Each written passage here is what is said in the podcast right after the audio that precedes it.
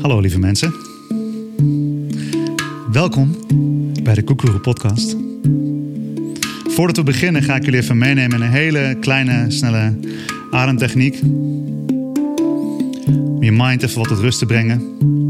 Weer in je lijf te zakken. En uh, mocht je nou achter het stuur zitten en deze podcast luisteren, sla dan even over. Maar als je aan het wandelen bent, of je bent thuis de afwas aan het doen, ga dan lekker even zitten. Neem een momentje voor jezelf met aandacht, sluit je ogen. Doe dan rustig even mee met deze ademtechniek. Ik ga je er doorheen loodsen. Het is heel eenvoudig. We ademen in een vast ritme. Ik tel je er doorheen. Soms ademen we in. Soms houden we hem even vast. Soms ademen we uit. Soms houden we hem dan ook weer even vast. We beginnen even met een diepe zucht van opluchting. Adem helemaal in. En uit. Gaan we in 3, 2, 1. Doe maar mee. Adem in. 2, 3, 4. En adem uit. 2, 3, 4. En adem in door je neus. Ontspannen. En laat hem los en adem uit. 3, 4. En adem in. Zo diep of zo ondiep als je lijf dat nu wil. En adem uit. 2, 3, 4. En in. 2, 3, 4. En uit. Na de volgende inademing gaan we hem ook even vasthouden. Dus adem in. 2, 3, 4. En hou hem vast. Laten we hem los. En aan het einde van die vier tellen houden we hem weer vast. Dus hou hem vast. 2, 3, 4. Nog een keer. Adem in. 2, 3, 4. En hou hem vast.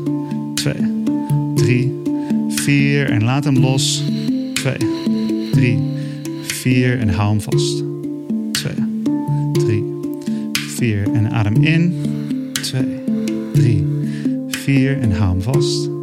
2, 3, 4. En laat hem los. 2, 3, 4. En hou hem vast. De volgende ronde gaan we het vasthouden verdubbelen. Dus laatste ronde. Adem in. 2, 3, 4. En hou hem vast. 7, 6, 5, 4, 3, 2, 1. En laat hem los. 2, 3, 4. En hou hem vast. 7, 6, 5, 4, 3, 2. Kom terug bij een normale ademhaling. Misschien wil je even een zucht van opluchting doen.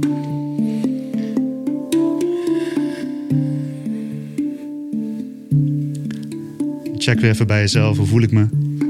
Hoe is mijn staat veranderd? En dan doe je je ogen open. En dan kun je weer verder gaan met afwassen of wandelen. En genieten van de podcast. Wauw, wauw, wauw. Casper van der Meulen, ik ben zo blij dat je hier nu bij mij aan tafel zit. Wij ontmoeten elkaar op Tijdloos, de inmiddels fameuze camping waar ik het al veelvuldig over gehad heb. En nou ja, dit in uh, het kwadraat, wat zeg ik, een veel grotere sessie. Deed jij? Ja, ik vind het fantastisch, want ik zeg even bij voor de mensen die geen beeld hebben, maar alleen luisteren. Casper uh, bespeelt ook de handpan zelf. En praat dus terwijl hij, uh, nou ja, nou ja, dus bespeelt. En ik zit hier gelijk even anders aan tafel ook. Dat is toch wel weer echt indrukwekkend. Hoe je gewoon gelijk een soort helderheid hebt gecreëerd. Welk, wat heb je met ons gedaan? Ja, het is eigenlijk een heel eenvoudig ademprotocol. Um, het is een beetje gebaseerd op box breathing, wat mensen vaak wel beter kennen. Ja. Ontwikkeld door de Navy SEALs, waarbij je vier tellen inademt, vier tellen vasthoudt, vier tellen uit, vier tellen vast. En dat is een uh, ademtechniek die eigenlijk is ontwikkeld om um, je hartslag omlaag te brengen. En om dus wat rust in je lijf te creëren, maar wel je, je gedachten scherp te houden. En uh, ja, eigenlijk is elke staat van ademhaling is gelinkt aan een, aan een fysieke, emotionele, mentale staat van zijn. Of eigenlijk, we kennen het meestal de andere kant op. We weten van ja, als je een bepaalde mentale, emotionele of fysieke staat hebt, dan hoort er een bepaalde staat van ademhaling bij. Dus, als je bang bent. Ja, als je, als je paniek hebt, dan Ja. hyperventileer je. Ja. En als je, als je aan het sporten bent, dan raak je, ga je heftiger ademen. Ga je Ja. buiten adem. Als je, ja, als je huilt, hoort er een bepaald adempatroon. Maar je kan echt, ja precies, je kan op 100 meter afstand kun je een, adempatroon van huilen kun je herkennen. Eh, en als je opgelucht bent, neem je zucht van opluchting. Ja. Ja, zo heb je al die verschillende staten. En wat we niet geleerd hebben, of wat de meeste mensen niet weten, is dat het ook de andere kant op werkt. Dus als je je staat van ademhaling verandert, ehm, dan, dan moet eigenlijk de staat van lichaam en geest, die moet eigenlijk mee. Ehm, want die zijn vrij nauw met elkaar verbonden. En eh, ja, ik heb de laatste jaren daar eh, een soort van obsessie voor gehad om dat uit te zoeken. Van welke, welke ja, knopjes en schakeltjes en, en dingetjes zijn er nou en hoe reageert ons zenuwstelsel erop? En hoe kunnen we dus ehm, met enige precisie, doelmatigheid, dan onze staten van zijn veranderen met behulp van, eh, van ademtechnieken? En er zijn eigenlijk duizenden manieren om dat te doen. En dit is een protocolletje wat ik ooit zo een beetje heb samengesteld eh, op basis van, eh, ja, van wat bekende, van wat wetenschappelijke Ja. ehm, eh, studies en wat bekende technieken, die dan voor mij heel goed werkten om, om aan het einde van de dag even mijn, mijn focus te resetten. Uh, zeker toen ik nog koffie dronk en uh, hele lange dagen maakte, had ik aan het eind van de dag dat ik zo helemaal zo wired was, maar eigenlijk niet meer energie had. En eigenlijk ja, moest ik dan een soort van een, een ging proberen te mediteren. En dus had ik daar helemaal gestrest te mediteren. Zo van wanneer word ik nou rustig? Uh, en toen ben ik deze oefening gaan doen. En dan merkte ik van, oh ja, dat is, nou, die reset mijn focus echt. Dus nu heb ik dan focus reset breathing genoemd zo. En dan, dan ben ik een beetje gaan delen met mensen. En ja, leuke reacties erop. Ik wist alleen niet zeker, en misschien maakt het ook niet uit, want jij benoemt het niet helemaal. Moest ik uitademen met mijn neus of met mijn mond? Eh, Bij deze techniek maakt dat het nu niet zoveel Nee, uit. Maar in het algemeen zijn de technieken die, uh, die je heel goed uh, met neusademing kun, Ja. kan doen. En, en in het algemeen is neusademhaling uh, superieur aan mondademhaling, om heel, heel gechargeerd te zeggen. Want je neus is ervoor gemaakt. Die, die, die, Ja, je neus is gemaakt om, om te ademen Ja. en je mond niet. Uh, die is gemaakt om te eten en te praten en een aantal andere leuke dingen. Maar uh, primair gezien is je neus gemaakt om te ademen. Kijk, en het is natuurlijk zo dat. Uh, het is ook niet helemaal waar, hè? Want ik zit de hele tijd door mijn mond te ademen terwijl ik praat. ja, zo is. Hè, dus zeker het uiten van emotie en het uiten van. Het is eigenlijk alles wat met expressie te maken heeft. Um, heeft te maken met monduitademing. En er zijn ook wel allerlei voordelen aan. Maar in het algemeen, um, zeg maar je basale ademhaling, dan heb je aan de neus een, een betere tool. Uh, je, je neus kan ook niet dicht, bijvoorbeeld. Dat is ook wel zo'n grappig ding om over na te denken. Die kan gewoon niet dicht. Die Nee. moet altijd openstaan. Wauw. En je hebt dus ook je, je geurzintuig, hè, je reukzintuig. Ja. En uh, je meest vitale functie, je meest belangrijke vitale functie, de meest primaire functie, ademhaling, die Kan zijn altijd uit- aan het uitwisselen. Jongen, Hè? jongen, jongen, jongen. Dus als je kijkt naar hem, dat is eh, als, als biohacker is het Ja. het meest waanzinnig interessant is om te kijken van ja, hoe, hoe, hoe werkt die biologie en waarom werkt die biologie zo? En het is wel heel grappig om erover na te denken dat je, ja, we denken eigenlijk dat onze ogen de belangrijkste deel van ons zintuigen zijn. En het is een heel groot deel ook zo, maar die kunnen we wel dicht doen. Ja. En onze neus niet. Nee, Weet je wel? En uh, nou goed, anyway. fantastisch. Ja, kan er ja. uren over lullen. maar- Nee, maar dat is ook precies wat we gaan doen. In het algemeen, als je ademoefeningen doet, in het algemeen neusademhaling. Ja. Goeie zet. Eh, biohacker, je zei het al even. eh, en de term biologie viel ook, wat echt toch top is. Want jij bent ooit de leukste biologieleraar leraar ever geweest. Tenminste, kan ik me voorstellen. Om, nou ja, dat ik jou nu een beetje ken. En, en ik zie jou voor de klas staan. Want jij deed ook echt experimenten met eh, je leerlingen in de klas. Ja, ja. ja, ik heb echt wel superveel lol gehad met mijn leerlingen. Ja. Echt, echt fantastisch. Juist ook waar we allemaal, ik bedoel, want laten we wel zijn, eh, dat zitten, het is gewoon eigenlijk onmenselijk. Dus eh, we zitten daar in een klaslokaal en, en jij had al snel zoiets van, eh, ik, ik, ik, ik, ja, ik kan daar experimenten mee uithalen waardoor ze bijvoorbeeld beter eh, focus hebben. Ja, absoluut. Ja, het was meer dat ik vanuit mezelf daarmee bezig ging. En dat ik uh, zelf helemaal niet lekker in mijn vel zat in die periode. Of ik, tenminste, ik had een fase dat ik echt depressief was. En dat ik er ja, zo, zo tegen een burn-out uit zat en, uh, aan zat. En um, ik was ook niet in goede gezondheid. En het was vooral mentaal, liep het gewoon niet lekker. En um, toen ben ik eigenlijk bezig gegaan met, met meditatie. En ook met hypnose-therapie, zelfhypnose. Wat eigenlijk ook een soort van geleide meditatie is. En toen kwam ik op een punt dat ik dacht van oké, okay, dat helpt wel, maar hoe werkt het nou? En toen ben ik me erin gaan verdiepen en er bleek heel veel wetenschap over te zijn. Ja. En toen dacht ik van hé, wat interessant eigenlijk, dat we hebben een fantastische biologische machine. We zijn eigenlijk een fantastische biologische machine. We hebben een grandioos brein.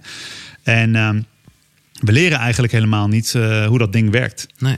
En zelfs toen ik in de opleiding, ik studeerde dan deed een leraaropleiding biologie. En dan leer je heel veel over biologie. En ik heb dat altijd interessant gevonden. Maar niet de toepassing van jouw eigen biologie. En hoe, hoe, hoe kun je nou zorgen dat die, dat die, eh, dat die beter functioneert? En, dat is bijvoorbeeld de mentale staten die voortkomen uit jouw biologische, fysiologische welzijn. Ehm, hoe kun je die gaan sturen? Of überhaupt het hele, hele paradigm van, oh ja, onze mentale staten komen voort uit, uit deze machine die we hebben, weet je wel.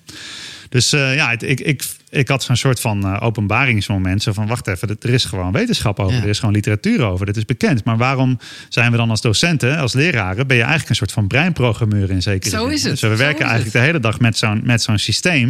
Een waanzinnig lerend systeem. Um, uh, maar als leraren leren we eigenlijk niet hoe dat ding werkt. En dat vond ik altijd precies van, hè, wat, wat ja. vreemd. En ja, toen ben ik daar een beetje ingedoken en, ga, en gaan kijken van hoe kan ik dan de dingen die voor mij werken, want langzamerhand ik begon wat af te vallen, ik ging wat lekkerder in mijn vel zitten. Uh, hoe, hoe, kan ik die dingen die voor mij werken nou vertalen naar een ervaring in de klas, waardoor die leerlingen ook leren hoe hun brein werkt. Een aantal fantastische lezingen gevolgd ook van een aantal uh, wetenschappers. En eentje daarvan, Joanne Deek, was een hele belangrijke, is een fantastische dame uit Amerika, die ook over deze dingen schrijft. Um, en die, die gaf heel eenvoudig aan van alleen al leerlingen uitleggen hoe hun brein werkt, zorgt ervoor dat ze beter gaan leren. Ja. En in het begin dacht ik dat is een mindblowing concept. En toen dacht ik van ja, natuurlijk.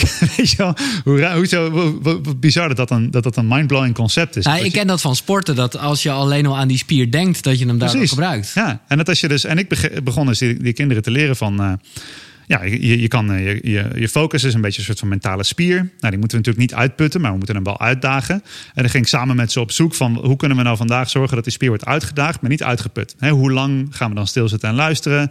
Uh, wat moeten we dan tussendoor doen? Uh, dus we gingen een soort van trainingsschema, mentaal trainingsschema ja. maken. En, uh, die kinderen deden mee en die vonden dat geweldig. Ja, maar dat begrijp ik. En, en, en zeker, als ik ze dan. En het leuke is dat in het begin ging ik dan zeggen: oké, okay, 10 minuten stilzitten en luisteren. Dat, dat kan wel en moet lukken. Oké, okay, gingen we dan doen. En dan zei ik van wat nou als we er naartoe trainen, dat jullie aan het einde van het jaar een half uur kunnen stilzitten en luisteren. En uh, terwijl dat natuurlijk, dat wil je helemaal niet, een half uur stilzitten. Nee. En toen gingen ze van, uh, hoezo einde van het jaar? Hoezo 30 minuten? Nee, we, we gaan 40 minuten. Ja, ja precies. Ja, ja, ja. Ik dacht van, oh, wow, oké, okay, dit werkt, weet je. Dus, ja, wat grappig. Leuk. En hoe reageerden collega's? Of ja, die zullen daarvan horen. En dit is, dit is, ja, dit is wat mij betreft, en ik denk wat velen betreft, wat, wat het onderwijs nodig heeft. Um, ja, die reageerde er niet zo heel uh, veel op eigenlijk. Nee. nee nou, ik had één collega waar ik echt de Erik, uh, dat was mijn mentor eigenlijk, uh, die heeft mij ongelooflijk veel geleerd over deze dingen. Die heeft mij echt geleerd om, te, om buiten die banen te durven denken. Ja, oké. Okay. Um, want ik wilde helemaal niet het onderwijs in. En toen ik dat dan wel was, had ik zoiets van ja, wat, hoe ga ik dat dan doen? Hoe ga ik eigenlijk mijn onvrede met het onderwijs combineren met een rol als leraar? En, en nou, hij heeft mij echt een paar hele belangrijke dingen laten zien daarin. En vooral eigenlijk dat het belangrijkste is dat die kinderen leren. En dat ze het naar hun zin hebben en dat ja. ze leren. Dat is het enige wat belangrijk is. En wat ik daardoor leerde is om gewoon mijn, mijn lokaal dicht te doen. En gewoon met die kinderen te gaan leren en het leuk te hebben. En um, me niet al te veel druk te maken om wat mijn collega's ervan nee. vonden. Want ik merkte al heel snel dat als ik een soort van... Uh, inzicht had. Of ik had en ik had dan eens zo'n voorbeeld wat ik vaak vertel. Dat leerlingen die hadden allemaal stress voor toetsen. En uh, dat ken ik heel goed. Ik had vroeger extreme faalangst. Ik heb zelfs uh, aan de medicatie gezeten voor paniekaanvallen. Ja, ja, ja, uh, ik had dan een paniekstoornis tijdens mijn, mijn eigen examentijd. Toen ik nog de MAVO, mijn MAVO-examen ging halen. En um, toen, ja, ik, ik, kende dat heel goed. Maar het enige wat ik had geleerd destijds is van ja, je moet deze pillen nemen. en dan, en nee, na de, de examenperiode hopen we dat je zonder kan. Nou, dat ging dan gelukkig. En daar heb ik, mijn moeder is echt een, een held wat dat betreft. Die heeft, die heeft dat heel goed begeleid. Die begreep dat proces goed. Maar goed, ik zag die kinderen binnenlopen hè, en die hebben stress. En ik denk van ja, ik, wat, wat kan ik daaraan doen? Weet je? Want uh, ik, ga, ik kan ze geen pillen geven. Nee. en dat wil ik ook niet. Um, en nou goed, die pillen hebben natuurlijk soms wel een functie. Hè. Voor mij hebben ze er toen op zich goed geholpen. Maar ik had ook geen betere tools. Maar goed, anyway.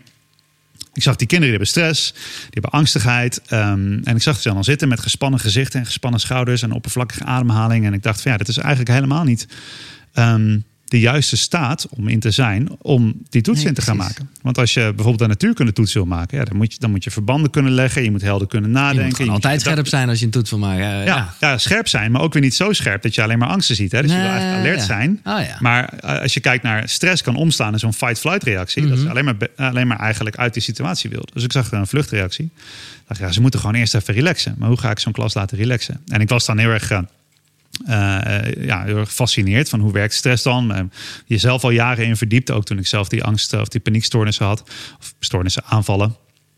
En ehm, dus ik wist wel een beetje hoe dat werkte. En dan dacht ik, van, ja, maar wat is dan het tegenovergestelde daarvan? En toen las ik zo'n studie dat, eh, dat het, het, eh, het soort van... ik voel me veilig in mijn lijf hormoon, dat is dan oxytocine. Ja. En die zet eigenlijk die, dat, dat stresshormoon van cortisol... Of, of dan adrenaline, maar in dit geval zal het dan meer cortisol zijn... die zet dat, eh, zet het eigenlijk uit. Dus ik las zo die studie. Ik dacht, nou, interessant, oxytocine. Ja, wanneer krijg je dat? Ja, bij, bij uh, menselijk fysiek contact, Ja. knuffelen. Ik dacht, nou, ik kan niet al die leerlingen gaan Nee, knuffelen. nee, nee. Eh, en, eh, en toen las ik een andere studie dat, eh, waaruit bleek dat, eh, of waarin ze uitlegden dat eh, ja, als, als mens ben je een zoogdier. En als je een babyzoogdieren ziet, dan heb je daar een schattigheidsreactie op. En dan heb je die ah, die reactie.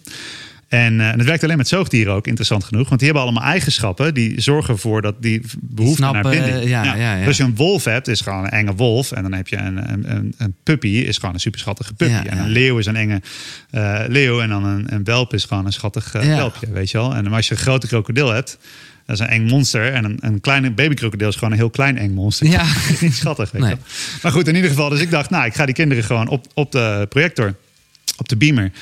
Eh, als ze binnenkomen, is de eerste opdracht is eh, kijk naar eh, deze schattige puppy en kitten compilatie totdat je ontspant. En dan gingen we gewoon drie minuten naar die en ze zaten helemaal te kijken. Zo van, wat is het voor mafkees, joh? Wat zijn we aan het doen? Ik moet aan die toets, want ze waren allemaal in die haastmodus.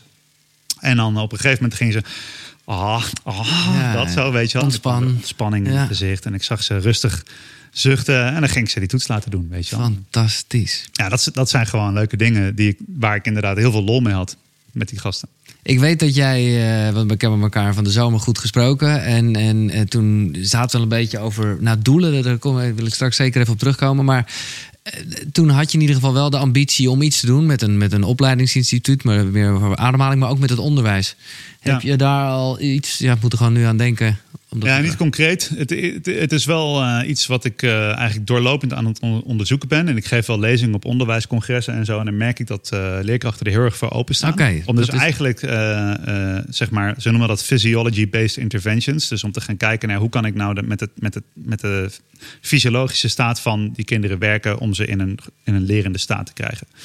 En ehm, ja, er ligt echt wel een deel van mijn missie om dat daar ook weer terug te brengen. En, ehm, eh, maar het is nu heel lastig om het concreet te maken. Zeker met, eh, met de hele situatie Ja, van scholen die beperkt open zijn en zo. Ja. Maar ik heb daar zeker een, ehm, een belangrijke missie. Ik, Ja, eh, ik leid man. coaches op, hè, tot ademcoaches. Ja. En, ehm, en dat, eh, ja, dat, dat, dat is heel tof om te doen. En ik werk heel veel met verschillende soorten coaches. En er komen bijvoorbeeld ook mensen vanuit, eh, ja, vanuit zorginstellingen. ehm, Ja. En de GGZ en zo, om, om dat ook te leren.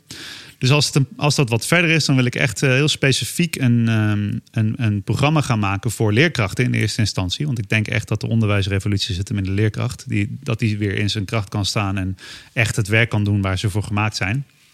Ehm, wat vaak niet zo is in veel scholen, of tenminste niet voldoende. Ehm, en om die, eh, ja, die, dit soort gedachtegoed mee Kennis, te ja. geven. Ja.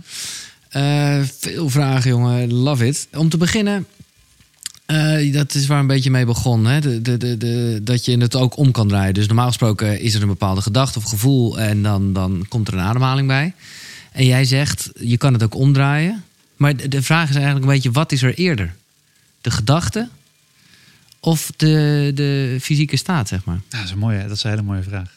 Het is ook een filosofische vraag. Ja, Eh, het korte antwoord is: ik weet het niet. oké. Maar, echter, en, Ja. dat moet ik zeggen. ehm, in, dus het bewust, het moment dat je je bewust wordt dat je een gedachte hebt, is in het algemeen, en daar, daar is de, zeg maar, de neuropsychologie redelijk over het over eens, ehm, is, is secundair aan ehm, de, de reactie op een omstandigheid in de lager gelegen delen van je brein. Dus je kan het eigenlijk zo zien: je hebt, dat, je, hebt je innerlijke krokodil, je hebt je Ja, reptiele brein, precies. je hebt je emotionele brein. En die zijn constant bezig met jouw overleving eigenlijk. Dus ze zijn de hele tijd allerlei informatie aan het verzamelen uit al je zintuigen. En zodra er een eh, prikkel binnenkomt die iets zegt over jouw overleving... dan moet die altijd eerst gescand worden door die overlevingssysteem. Ja, dus dan is de gedachte er eerder, zou je zeggen. Nou, nee, dan is dus de waarneming, nee, oh, nee, dus de sorry. fysieke Ja, staat ja, ja. is dat dan eigenlijk eerder. Ah, ja. Dus als je, het, als je het terugbrengt naar, extre- naar een extremer geval, hè, je, je wil de, de weg oversteken Ja, en er rijdt een auto op je af, dan moet je eerst wegtrekken vanuit die, vanuit die ja, zo eigenlijk een reflexmatige reactie. Je trekt weg. ja. Vervolgens krijg je een enorme stoot energie. Hè? Je hartslag gaat. Adrenaline, En, ja. en je bent heel scherp ook in dat moment. Hè? En um, als je dat wel eens eh, hebt meegemaakt, nou, dan weet je dat achteraf... Het duurde misschien twee seconden, maar je kan er het in een uur na vertellen. Ja, ja, ja. Uh, want je zintuigen worden veel scherper en je perceptie wordt, uh, alles gaat omhoog. Dus je krijgt eigenlijk een stoot doping. Dus je hebt een soort van die, die reptiele breinreactie van wegtrekken. Dan heb je eigenlijk de zoogdierbreinreactie. Hè, dus die ligt dan ietsjes hoger van uh, doping erin pompen. Nou, daar kan je mee vluchten of je kan vechten of je kan ja. schreeuwen achter die auto aan, vloeken, ja. weet ik veel wat. En um, dan word je opeens bewust van: wow, ik ben weggesprongen voor die auto. Ja. Weet je wel? En dan kun je erover gaan denken. En dan maak je een verhaal. En dan maak je een verhaal dat, dat weer past bij die hele situatie. Maar die eigenlijk hoeft helemaal niet waar te zijn. Nee. Dat moet je dan weer gaan verwerken bij de therapeut. Drie jaar en zo. Terwijl je lijf heeft gewoon gereageerd. Ja. En um, een van de belangrijkste theorieën waar ik uh, mijn werk op baseer... heet de, de polyvagal theory. En ja, die gaat eigenlijk over dit. Over dat je autonome zenuwstelsel altijd eerst een reactie maakt op je omgeving. En dat eigenlijk dus, ja, je, je, reageert vanuit die primitievere delen. Eerst om je overleving veilig te stellen. En dan wordt er een memo naar boven gestuurd. Zo van, hey, dit is, en dat naar boven ja. bedoel ik dan en ja, ja. de bewuste nou, hersenen, En er zit een, een zee van tijd tussen. En een zee van tijd is dan 0,1 seconde of zo. um, maar dit is ook, het verklaart wel heel veel. Als je denkt aan, aan alledaagse situaties... waarin je, ge, ge, je wordt ergens in je gevoel geprikt. Ja. Um, en uh, dan heb je een, bijvoorbeeld een vechtreactie. Je scheldt iemand uit of je wordt opeens boos. Mhm. Of je, je, in een relatie, er gaat een muur omhoog Ja. en je verdwijnt. En dan pas achteraf, als je mazzel hebt... Als je, als, je, als je er echt bewust mee bezig bent... achteraf zou je dan kunnen denken van... oh ja, wacht even... Ik, ik, had opeens weer die muur omhoog. Of ik was weer boos. Of ik had mis, Oh ja, dan heb je die sigaret gerookt. En dan denk je na die sigaret opeens van... hé, hey, wacht even. Oh ja, wat? Nee, wat? Oh ja, daar zat iets voor. Iemand zei iets en ik voelde Ja. toen iets wat ik niet Ah, wilde voelen. En en, toen ja. deed ik dit en het was heel laat, word je je daar bewust van. Dus in die zin zou je kunnen stellen dat die fysiologische staat van zijn, hè, dus de stand van je zenuwstelsel, die creëert de gedachte. En het is heel eenvoudig eh, eh, eh, uit te leggen als je bijvoorbeeld denkt aan je hebt een nacht heel slecht geslapen. Ja. En eh, je hebt daardoor niet genoeg remslaap gehad. Je hebt heel veel brain fog. Je hersenen hebben zich niet goed kunnen verversen in de nacht. Dus je hebt gewoon je hele fysiologische machine is niet hersteld. Ja, iedereen weet dat het dan moeilijk is om hoge kwaliteit positieve gedachten te hebben. Iedereen weet dat het moeilijk is om prikkels te verwerken. Dat je, hè, dus je bent prikkelbaarder. Dus heel veel van de staten van zijn die wij ervaren, waar we ons bewust van worden, die zijn eigenlijk eerder al gecreëerd door een fysiologische staat. Ja. Dus je zou in die zin kunnen zeggen dat in, in heel veel gevallen Ja. is, is de fysiologie eerst en die gedachte die komt eruit voort. En dat is ook wat ik in het onderwijs deed. Kijken naar hoe zitten die kinderen erbij. Nou ja, als ze de hele dag zo hebben gezeten, gezakt, zit in, hun, in hun benen en in hun billen en, en ze, er is geen doorbloeding in hun brein, ja, dan kan ik niet van ze verwachten dat ze alert zijn en goed kunnen leren. Maar als ik ze laat bewegen en een spelletje doe met een balletje en hun ogen activeer en zo, ja, dan kunnen ze opeens veel beter nadenken. Ja, en, dat, en dat is eh, een, een manier van kijken die, wat mij betreft, heel waardevol is. Nou, is er natuurlijk de andere kant op werkt het ook weer. Dus Nee, allemaal twee ja, ja, ja. Want je kan natuurlijk met je gedachten ook weer de fysiologische reactie aanzetten. En dat merken mensen aan bijvoorbeeld eh, aan wat we noemen anxiety, angstigheid. Ja. Wat ik zelf heel goed ken. Van Ja, je lijf zit wel in die staat, maar ondertussen ga je erover nadenken. En keer als je lijf wil tot rust komen eruit, ja, dan, dan komt die gedachte weer in dat idee. En dus- en dan, en dan ja. schiet dat systeem weer omhoog. Ja. Dus het is een, een constante wisselwerking. Maar het is wel, dat, wat mij betreft, in mijn werk in ieder geval, waar ik mee werk, is het, de ingang dat de fysiologie eerst. En daar stroomt die gedachte van nature uit voort. Dus Ja. eigenlijk het hele verhaal, al het gelul, Ja, alle ja, identificaties, alle ideeën, alle, weet je wel, oh, maar hij zei dit en ik dat. Dat is allemaal niet zo belangrijk als de staat waarin je bent. Ja, en dan is ademhaling toevallig gewoon de snelste manier om die staat te veranderen. Wauw. Maar het, het is natuurlijk niet zo, tenminste zeg ik, dat je zeg maar als je gaat ademhalen zoals je zou ademhalen als je verdrietig bent, dat je dan ook verdrietig wordt. Ja, Ja? ja dat kan heel goed. Ja. Ligt eraan wat de setting is natuurlijk. Ja, Als je dat een beetje als een trucje doet, dan werkt dat niet heel Nee. goed. Maar ehm, eh, in, de, er zijn eh, eh, ademtherapievormen. En ik, ik pas daar ook delen van toe, moet ik zeggen hoor. Dat als ik merk in een ademsessie dat iemand verdriet te verwerken heeft. Ze gaan daar gewoon niet heen. En dat is, dat is ook interessant aan het onderbewuste. Dat iedereen heeft ergens een dode hoek waar je gewoon niet bij kan. Nee. Want je hebt met je, met je mind dat ergens in je li- lijf vastgezet. Ja. En, de- en als je kijkt naar, naar hoe, hoe bijvoorbeeld traumatheorie werkt en zo, nou, dan, dan is dat bijna een soort, van, een soort van fragmentatie. Een deel van je is weggeduwd. Gewoon en dan ga je gewoon niet. Frozen, ja. Ja, dat is in freeze eigenlijk. Ja. En, en ehm, ja, als je dat kan laten stromen, dan kan daar heel veel. Dus dan kan je daar door het geforceerd op te zoeken ineens begint het. Ja, Ja, dus als je iemand eh, in- ja, met zo'n soort probleem in een foetushouding legt en een adempatroon geeft, wat eh, als je, als je een, een, ehm, het, het huiladempatroon eigenlijk eh, ontleedt, dan is het eigenlijk een dubbele inademing die gefocust is in de borstkas, die naar binnen gezogen wordt in de mond en dan een, een loslaat uitademing. Dus het is, als, je het, als je het huilen naspeelt, dan heb je dat, dat heb je eigenlijk. Hè? Als je Ja. op het punt om eh, te huilen staat. Ja, dan, zijn dan kan je dus een adempatroon daaruit soort van af. En die beginnen dan ineens te huilen. Ja. Of nou ja, dus niet echt ineens. wordt heel- Er wordt veel gehuild in ademsessies. Ja. Mooi, maar is dat ook de reden dat, ik vind dat dan een fris geluid. Eh, Jij hebt een, een waanzinnig boek, Mindlift, mentale fitness voor het moderne brein. Eh, Check dat mensen, want ik bedoel, ik heb het vaker over boeken. Maar zelden waren ze zo, ja als ik zeg makkelijk is dat misschien een belediging. Nee, nee, dat is de, het doel. Oh nee, oké, nou dat is wat het is. En wat ik er leuk aan vind, is dat jij ook een, nou ja, een goeie, goed vraagteken zet, laat ik het zo zeggen, bij eh, positieve gedachten. Je keurt het natuurlijk niet af, er is niks mis met positieve gedachten, maar komt dat hier een beetje uit voort? Zo van, daar, het gaat, hè, dat de gedachten minder belangrijk zijn? Ja, ja ik denk dat eh, eh, zoals positief denken in de motivatieindustrie veel aangeleerd wordt. Ja. Is, eh, wat, wat je ook voelt, je kunt altijd te positief over denken. En daar zit natuurlijk een, ehm, een, ehm, een kern van waarheid in, die heel erg praktisch is. Maar ik zie vaak dat mensen dat toepassen. En ik zelf ook, toen ik daarmee begon, dat ik dacht van ja, natuurlijk, overal positief over denken. Nee, Ja. Alles is goed, ja, top. Ja, lekker. Nee, ik ga geen negatief woord gebruiken. Nee, alles is goed, top, leuk, lekker, goed, ja, mooi.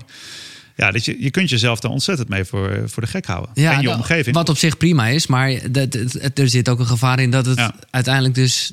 Ja, ik denk dat positief. Kijk, eh, eh, in het boek omschrijf ik het zo dat eh, dat, eh, dat soort positief denken is: je gaat naar buiten en het regent. En je zo van, nou joh, het, eh, het is helemaal niet. Het is hartstikke lekker zonnig, weet je wel. Zo, je kan het gebruiken om jezelf voor de gek te houden. En ik denk dat heel veel mensen heel lang in zo'n flow kunnen zitten van positieve stress. En dus ook heel positief overal denken. En eigenlijk de signalen van hun lijf negeren.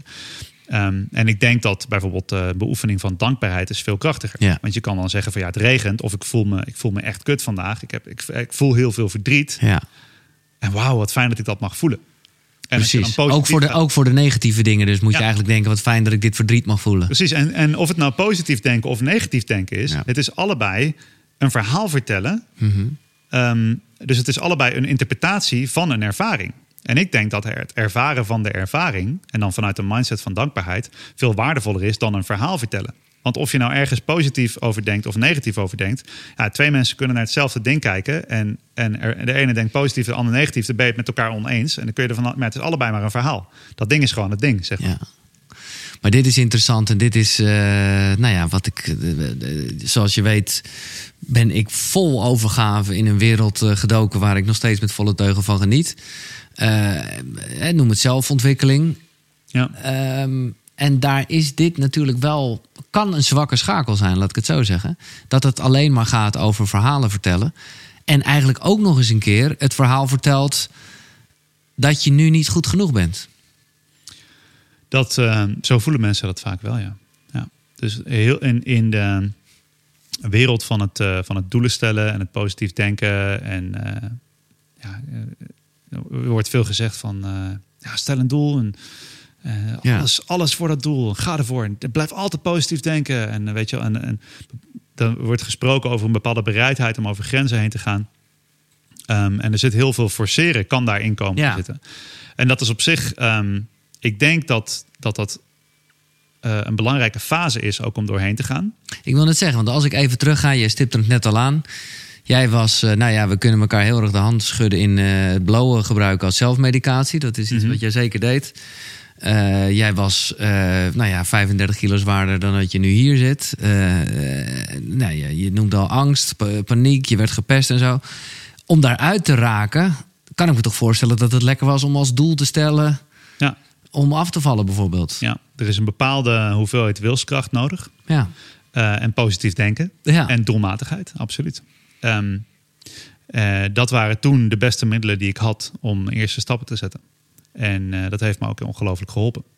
Wat daar wel bij zit, is dat er dus een, een deel was van mijzelf die ik gewoon niet wilde zijn.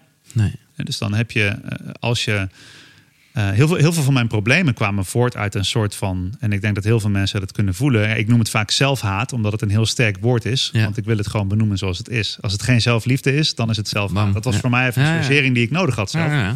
Maar in ieder geval uit zo'n gevoel van ja, ik ben niet goed genoeg. Het is Ja. niet goed genoeg. Ik verdien het allemaal niet. Ja. En dit is, is trouwens eh, onderzoek die dit uitwijst. Nog even over het positief denken. Dat als je dus eh, echt van binnen gelooft dat je een lelijke dikke troll bent. En eh, je gaat voor de spiegel staan en affirmeren. En zegt ziet het. Ik ben prachtig, ik Ja. ben prachtig. Dan elke keer als je dat uit, dan heb je intern een reactie die het, het geloof dat je een lelijke dikke troll bent nog sterker maakt. In reactie op dat weerwoord eigenlijk. Ga je eigenlijk daar heb je die innerlijke worsteling. Maar goed, om, ja, voor mij was het dus bijvoorbeeld om te stoppen met roken om te gaan hardlopen. Daar zat echt zo van, ja, kom nou fucking van de bank af. En Ja. nou gewoon doen, Ja. weet je wel. Maar er zit ook een stukje zelfafstraffing in. En eh, ik geloof dat Theo Maas het ooit een keer heel mooi zei... van als je jezelf overwint, wie heeft er dan verloren? Wauw. En dat is, dat is wel echt even een, een ding om, om bij stil te staan... voor de mensen, voor de zelfontwikkeling. Mhm. Dat als je dus een doel behaalt... en eh, eh, eh, laat ik het voor mezelf zeggen. Elke keer als ik een bepaald doel behaalde, bewees ik daar ook mee dat ik het dus nodig had om een doel te behalen om goed genoeg te zijn. Ja. Waarmee je bevestigt dat je daarvoor niet goed genoeg was. En waar houdt het op? En dan moet je dus weer het volgende doel halen om Ja. goed genoeg te zijn. Ja. En dat is het grappige. Bijvoorbeeld mensen die een burn-out krijgen op waar ze van houden. Hè, dus eh, je- ja, wat jij ook zei, van, Ja. ik mijn droomleven, ik doe alles wat ik wil. En ik ben niet gelukkig. En ik heb al die dingen die ik Crazy. wilde. En, en ik, ik word er niet gelukkig van. En als je dus vanuit een basisaanname eh, werkt van... oké, eh, er is iets mis met mij. Of ik ben niet goed genoeg. Of er is Mm. een bepaalde onvrede, een bepaalde zelfafkeuring. Je van oké, dus ik ga dit doel stellen en dan ben ik beter en dan ben ik verder. En dan eh, ben ik ja, op de een of andere manier verheven boven wat ik was. En dan, en dan, be- dan behaal je dat. En, en dan dat goede gevoel van het behalen bewijst dat je het in de eerste plaats nodig had. Ehm, en ik denk dat heel veel mensen die dit pad eh, bewandelen, dat ze eh, dat dat in het begin een goede strategie Ik wil net zeggen, daar hebben we het over. Het geeft in het begin in ieder geval zeker wel de drive om het te Er moet veranderen. wat gebeuren. Ja. Ja, er moet wat gebeuren. Maar ja, wanneer, wanneer houdt het op? Wanneer stop je ermee? Hoe heb jij dat gedaan? Als het niet meer werkt. Ja, Dat is heel eenvoudig. ja, ja. ja. Whatever works. ja. Ehm, Ja, maar ja, als ik gewoon eventjes heel eerlijk ben, dan werkt het voor mij. Maar ja, dat is wel eventjes gechargeerd vanuit een constante ontevredenheid. ja. Dus ergens kan je dan denken aan het eind van de rit, dat is precies wat, wat Theo Maas dan zegt, van ja, heb je een prettig leven op het moment dat het steeds maar niet goed genoeg is? Ja, je, zit, je blijft wel groeien. Ja. Dus dat is, bedoel, ergens zit, ja, het is ook positief. Ja. Nou, je kunt eigenlijk. ehm, Maar het is niet zijn, het is niet tevreden zijn. Nee, maar ik denk dat er verschillende, verschillende stadia zijn. Ehm, in, of ja, ik denk, ik heb in, in mijn boek daar een wetenschappelijke studie over aangehaald. Ehm, die heel mooi in kaart bracht van wat, wat zijn nou de gezondheidsuitkomsten, de, ni- de gezondheidsniveaus, zeg maar, om het zo te zien. En dan, dan heb je eigenlijk als je hebt een normaal lijn van wat we normaal, eh, oké, eh, gezond, je kan functioneren en alles is oké. En als je dan ehm, tegen onvrede aanloopt of je wordt ziek of eh, er is echt, je ligt er even uit en ben je subnormaal, nou, dan heb je eh, vaak een behandeling nodig of hulp heb je in ieder geval nodig. En dus dan ben je in treatment eigenlijk en dan ga je een niveau omhoog waarin je aan het herstellen bent en dan normaliseer je weer. En dan kom je eigenlijk terug op die normaallijn. Nou, die normaallijn is een beetje waar, waar de instituten in Nederland stoppen. Hè? Het onderwijs en de zorg en alles. Zo van, nee, dit is normaal functioneren. Maar er ligt nog wat boven.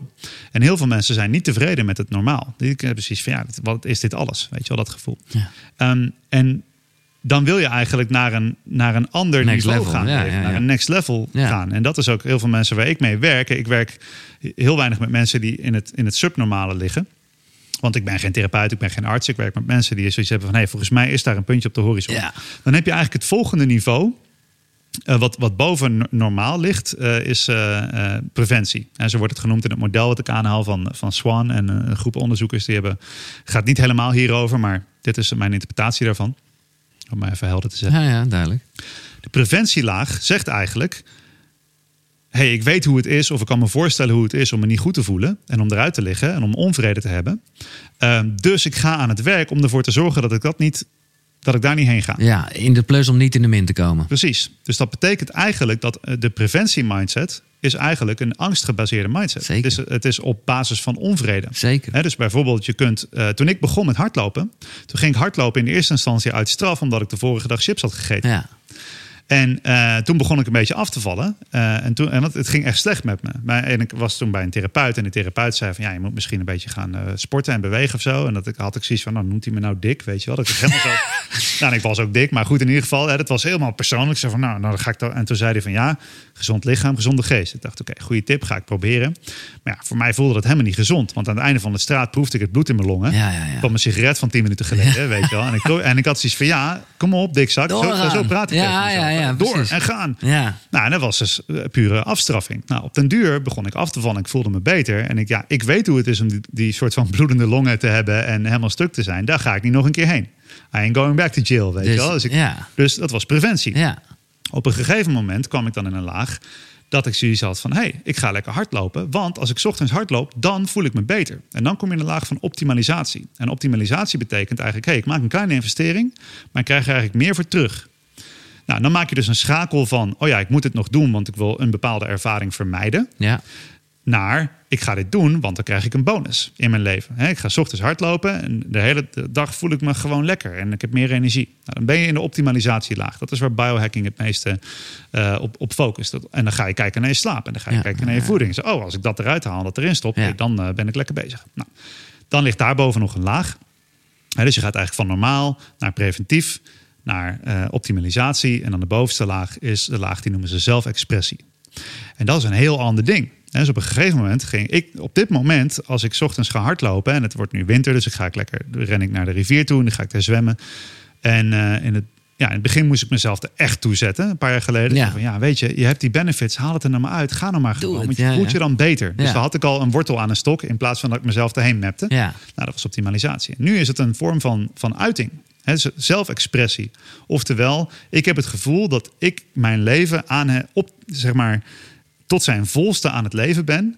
als ik in de natuur aan het hardlopen ben. Ja, ja. En waar ik eerder, als ik dan, ja, eh, had ik bijvoorbeeld de ene dag die zak chips gegeten. En de volgende dag, ja, dan ga ik. Dus het is geen zweep, het is geen wortel, het is gewoon... Het is een uiting van je zijn. Een uiting van dit is wat mijn ziel hier komt doen. Damn. En Ik heb, ik heb toch weer een doel nu hoor. Nou ja, en, dat, Want dit, dit, heb, dit heb jij niet bij mij als doel gemaakt. Dat ik denk, ja... en de vraag is dan dus, wat vervult je?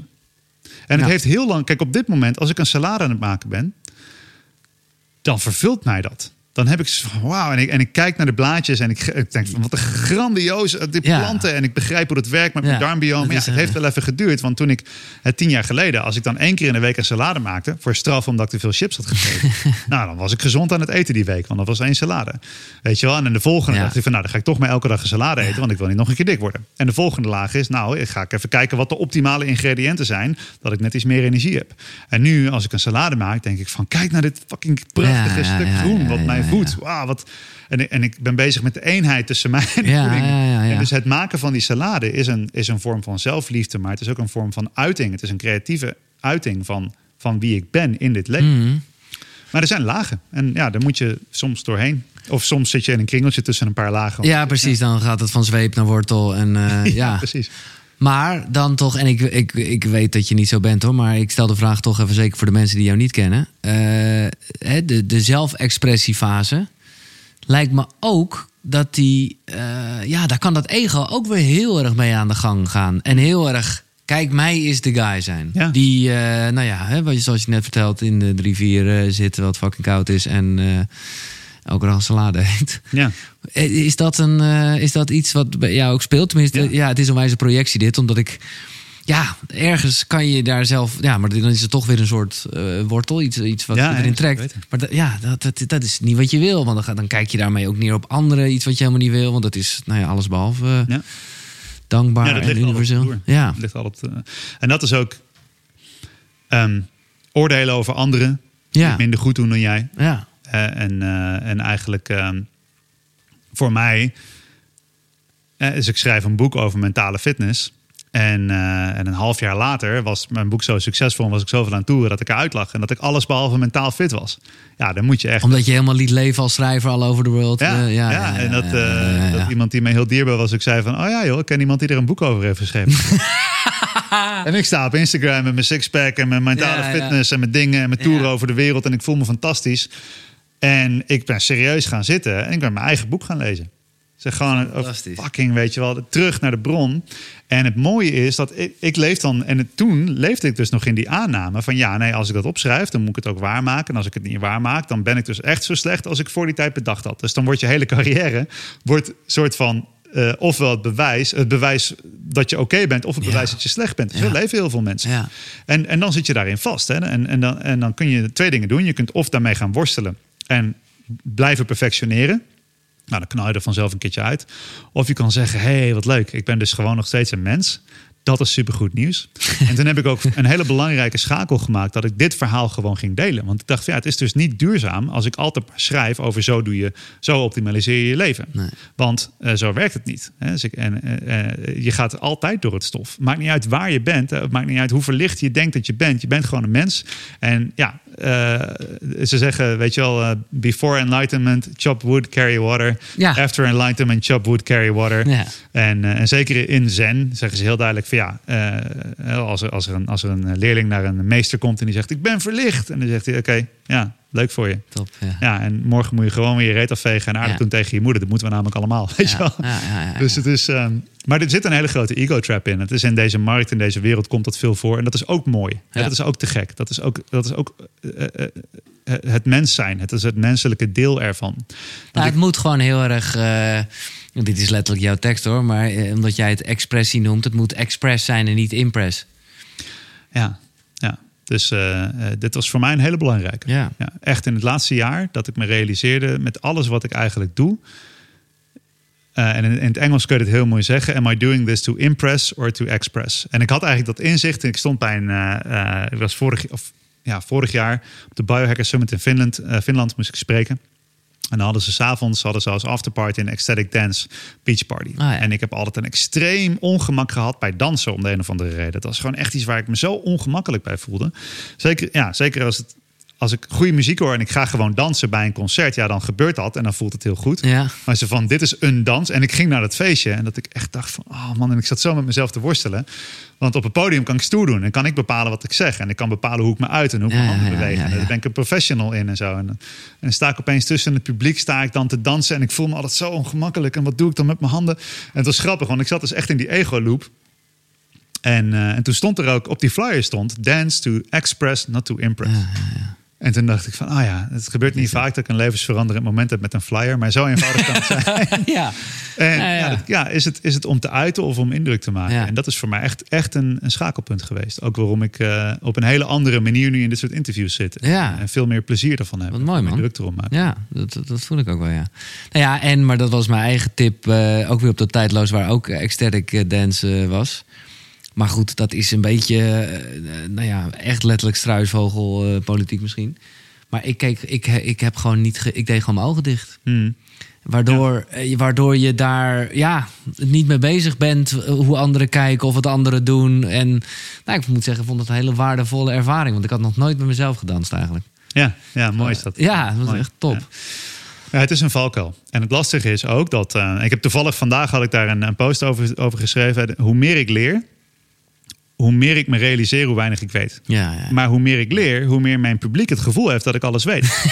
en hoe groter die, die kloof ja, wordt, hoe meer ik het gevoel heb dat ik een soort van eh, dat ik een fake ben. Weet je wel? Want elke keer dat leer ik en ontwikkel ik me denk van ja, ik weet echt helemaal niks. Nee. Ik heb echt nergens verstand van. Ik dacht dat ik wist hoe het leven werkte. En haha, Casper weten we helemaal niks van. Nee. En dat vind ik altijd hele fijne momenten, want dat zijn de momenten waarin ik het meeste leer. En dan gewoon ook En ondertussen ga ik dan Ja. van, ja, dan heb ik, en dan, dat wil ik graag delen met mijn publiek. En ik heb zeker, eh, eh, in het begin had ik nog wel eens dat ik dan, ja, mensen stelden me van dit soort vragen. En, Ja. en, dan, en dan legde ik gewoon heel nederig uit van, ja, ik ben gewoon een mens. En eh, ja, ik vind het ook moeilijk.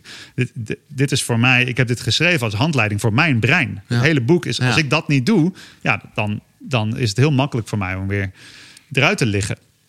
En eh, dus ik had zoiets van, hè, mensen, iemand stelde mij zo'n vraag. Ik zette mij een beetje op een voetstuk. En ik dacht van, nee, dat voetstuk dat moet weg. Ik wil dat helemaal niet. En, en, en de reactie was dan van, oh, en hij is ook nog nederig. ja, ja. Dus zat ik nog hoger op het voetstuk. Ik dacht, ah, nee. Weet je wel? En jij bent, jij hebt natuurlijk veel meer bekendheid dan ik. Ja, oh, ja. Dus iedereen die jou ziet, die heeft alweer een, een, een- een beeld van jou. En dat Ja. begint bij mij langzaam, zeker op zo'n plek als tijdloos, dan kennen mensen mij een beetje. Ja. En dan is het zo van, oh ja, ze kijken mee. En kan natuurlijk niet, eh, dat mijn publiek kan mij natuurlijk niet bij de McDonald's zien zitten. Nou, ga ik ook echt nooit naar Nee, nee, nee, maar ik snap wat je bedoelt. Ja. Dus het is dan een beetje zo van ja, je creëert dan, als je een plaatje creëert, dan kun je denken van ja, ga ik dan naar dat plaatje opleven of ga ik dan gewoon, ja, Nou ja, ik, daarom denk ik dat het heel eerlijk is dat je eh, dat deelt. Van dan blijft het practice what you preach. Want dan deel je ook. De, de, de eerlijkheid. Doet me denken aan een post die ik toevallig vandaag las. eh, van Jelle Hermers. Ik weet niet of je hem kent. Hij is bij Koekeroe te gast geweest. Hij is van So Chicken. Ook echt een platform wat heel erg bezig is met zelfontwikkeling. Hij heeft notabene een boek geschreven wat heel erg gaat over meditatie. En hij schreef vandaag heel eerlijk... eh, dat hij in een burn-out terecht was gekomen. Omdat hij had een eh, nou ja, idee om So Chicken met een abonnementsvorm te doen. Ja, lang verhaal kort. Hij schaamde zich ontzettend. Omdat hij is die gast, Ja. weet je wel. Ik vond het wel echt mooi dat hij eh, nou ja, daar nu dan wel mee naar buiten kwam. Ja. Dat maakte ja, precies. Ja, is dat niet prachtig? Hè? Dat, Ja. is, dat, is, dat, is wat, dat is menselijk. Ja. En ik denk dat de mensen die een publiek hebben, dat het heel belangrijk is om die menselijke kant te laten zien. En dat is wel heel eng. Maar ik ken best wel wat, wat mensen in de scene, zeg maar.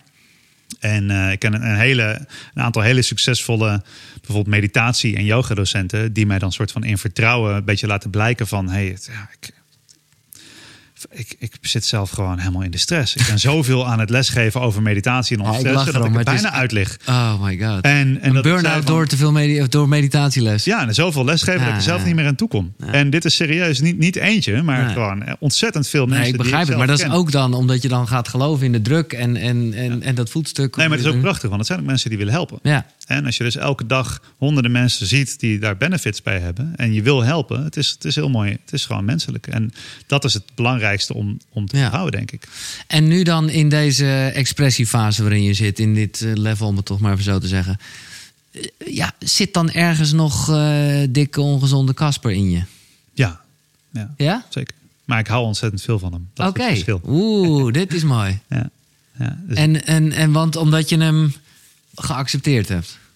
Of is dat zelfs nog niet Ja. genoeg? eh, ja, geaccept, geïntegreerd. Ja. Ja, dus eigenlijk was er, de, dus de resultaten die dichtbaar, zichtbaar waren, dus dat ik overgewicht had, dat ik heel erg angstig was en dat soort dingen, ja, die kwamen ook vanuit een bepaalde eh, fragmentatie bijna. Want er waren delen van mijzelf die ik, ja, die, die ik niet kon liefhebben. Ja. En, en dan moest ik andere delen van mijzelf, dus, dus deze delen waren hier en die andere Ja. delen, die moest ik daar brengen. Weet Ja, je wel? Dus dan komt er alleen maar een grotere. Ik had een soort van superheld gecreëerd. Van de superheld Casper die iedereen helpt. En die altijd eh, heel hard werkt. En die alles perfect doet. Dat was waar ik in het onderwijs een beetje tegen een burn-out aan zat. Zo van ja, nee, ik, ik ga de boel wel redden. Want ik moet dat wel doen. Want eh, ja, weet je wel, dat andere deel van mij moet gecompenseerd worden. Nee, en, en- ja, Dat is, een, dat is een spel wat heel veel mensen spelen. Ja. Wat er altijd wel een beetje zal zijn. En eh, Het heeft je uiteindelijk ook gegeven wie je nu bent, weet je wel? Zeker weten, het, het, heeft ja. die inzichten gegeven. Misschien nog een leuk detail. Ik hoorde dat ook bij Gwen zeggen, en wij hebben het er op tijdloos ook wel over gehad.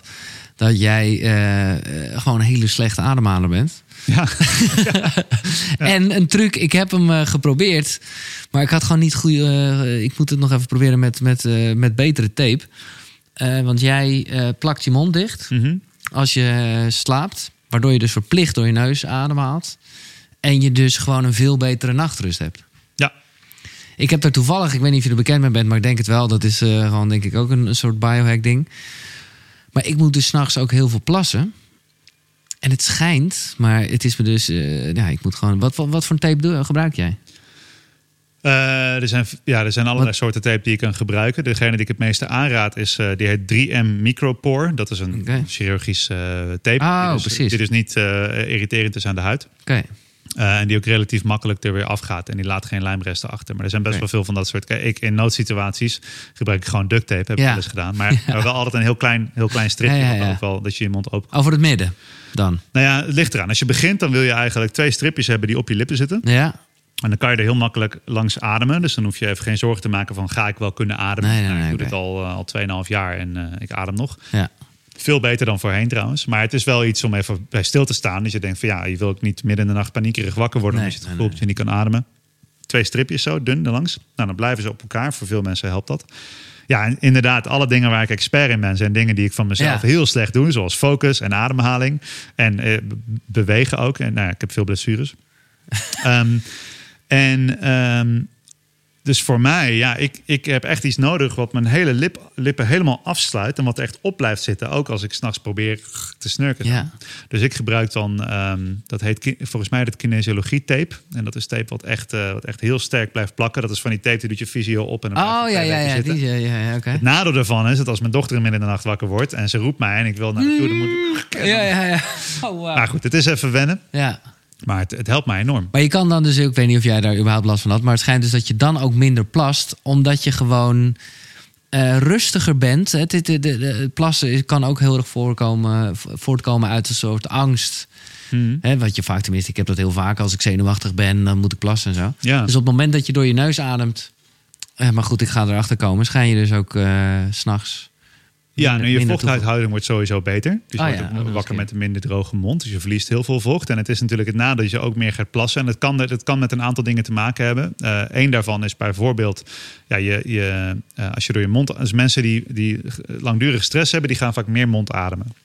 Want het hoort er een beetje bij. En dan, en dan krijg je eh, een beetje een, een verstopte luchtwegen. Ja. Waardoor je weer meer door je mond goed moet gaan ademen. Waardoor je weer vaker gaat snurken. eh, en waardoor je misschien zelfs ademstops krijgt. Nou, dan zit je eigenlijk in een soort van chronische stressstand. Dus één verklaring voor dat plassen kan zijn dat je dus eigenlijk je, nie- je bijnieren. die zijn de hele tijd bezig met stresshormoon aanmaken en uitzetten. En dat is ook waarom mensen bijvoorbeeld midden in de nacht klaar wakker kunnen zijn. En zich super scherp en helder voelen. Omdat ze op het verkeerde moment cortisol eh, krijgen. Ja, ja, oké. Maar het heeft er ook mee te maken dat de zuurgraad van je bloed.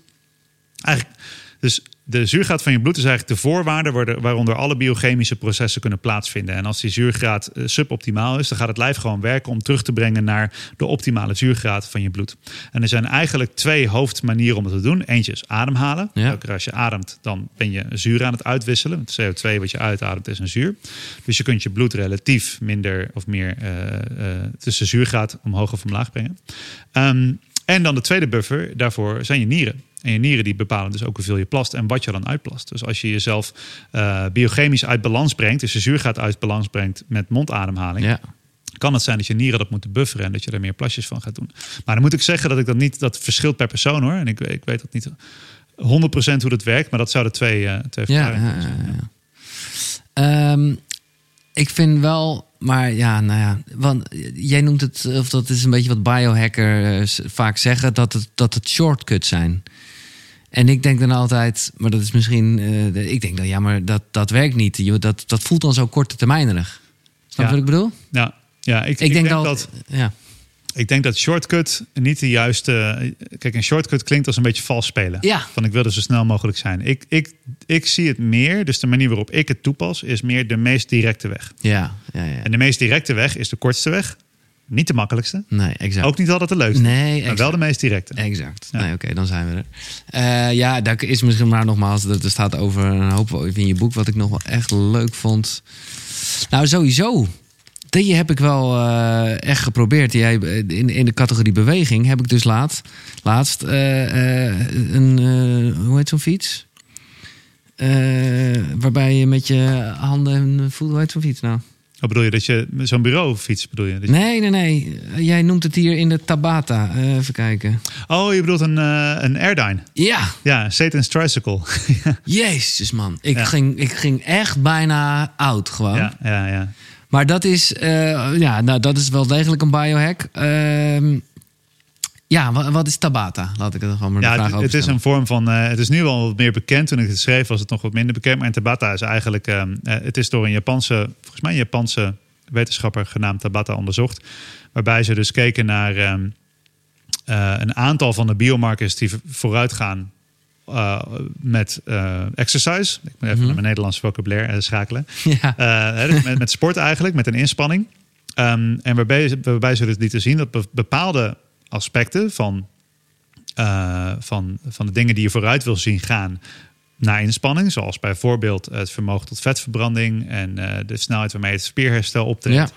maar ook eh, de aanpassing van het zuurstofvermogen, dus hè, bijvoorbeeld de VO2 max, hè, zuurstofopnamevermogen bijvoorbeeld in de longen, dat die ehm, in vier minuten 100% inspanning op hoge intensiteit interval, dus 20 seconden aan, eh 10 seconden af. Dat, al die, dat die factoren eigenlijk effectiever voor, vooruit gingen, dus ver- verbeterden, dan ehm, ik geloof dat het vergeleken met drie kwartier gematigde intensiteit ja, ja, precies. Dus dat is echt zo'n ding van, oké, ja, je, je, je werkt jezelf dus vier minuten helemaal eh, naar de kloten Ja. eigenlijk. En eh, toen ik dat voor het eerst ging doen met een Airdyne... en ik, ik, toen had ik nog niet mijn eigen sportschool... en dan zat ik gewoon in een of andere eh, ja, standaard sportschool... En ik ging er helemaal los. Ja. En, eh, en op een gegeven moment kwamen ze zelfs een beetje klagen dat ze er ongemakkelijk van werden. Dat ik tien minuten echt. ah, Ja. Vier minuten, vier minuten zo ging dat ik dan tien minuten ernaast lag. Ja, helemaal. Ja, joh, niet normaal wat er gebeurt. Ja. Maar ja, het zijn gewoon van, van, van dat soort dingen die ik dan eh, tof vind. Om Ja, te kijken ook. van wat kan je daarmee doen. Hè? Dus hoe kun je daarin eh, bevorderen. En ook zoiets wat in de biohacking nu eh, populair is... of er meer over ges- gesproken wordt... is eh, blood flow restriction training. Waarbij dus bijvoorbeeld je, je, je arm... het werkt alleen bij je extremiteiten... die, die bind je eigenlijk af met Die een elastiek. Ja, ja. Alsof je gaat spuiten. Ja. En eh, die, eh, die knel je helemaal af en dan worden je aderen ook zichtbaar. En dan ga je dus eh, met een heel laag gewicht ga je heel veel herhalingen doen. Dus je, je daagt eigenlijk qua gewicht, eh, daag je die spier niet uit. Maar ehm, ja, je krijgt een enorme pomp daarvan. En ehm, ja, dan, dan eh, krijg je dus een, eh, een versnelde spiergroei met veel minder eh, inspanning. Omdat het bloed Vet. normaal gesproken altijd die afvalstoffen meeneemt. Maar die afvalstoffen die opbouwen in de spier, die zijn ook signaalfactoren voor supercompensatie. Wat eigenlijk betekent als de spier een bepaalde hoeveelheid van die stofjes waarneemt, Ja. dan gaat die spier daardoor groeien. Nou, als je dat met gewichten moet doen, dan moet je heel veel werken. En dit is een methode die dan ontwikkeld is voor mensen die een pees moeten herstellen. Dus die, kunnen, die, dus die hebben bijvoorbeeld een blessure eh, of een ontstoken pees. En die hebben eigenlijk een grotere spiermassa nodig om dat gewricht weer goed te gebruiken. Maar ze kunnen met die blessure niet trainen. Dus dan doen ze met een heel laag gewicht.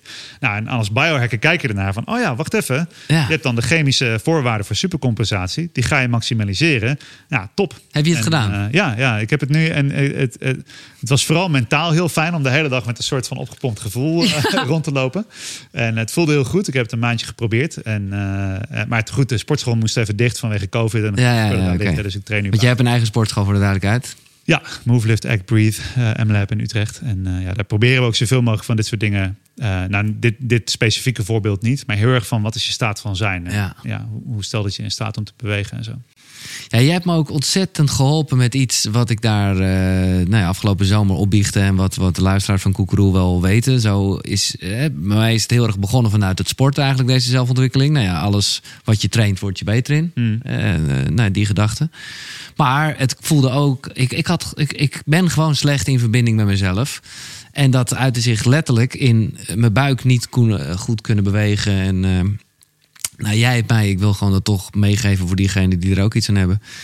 Jij hebt mij een, eh, aangeraden een, een, een, een bepaalde bal. Je had gewoon een piepschuim bal, wat is het? Eh, Ja.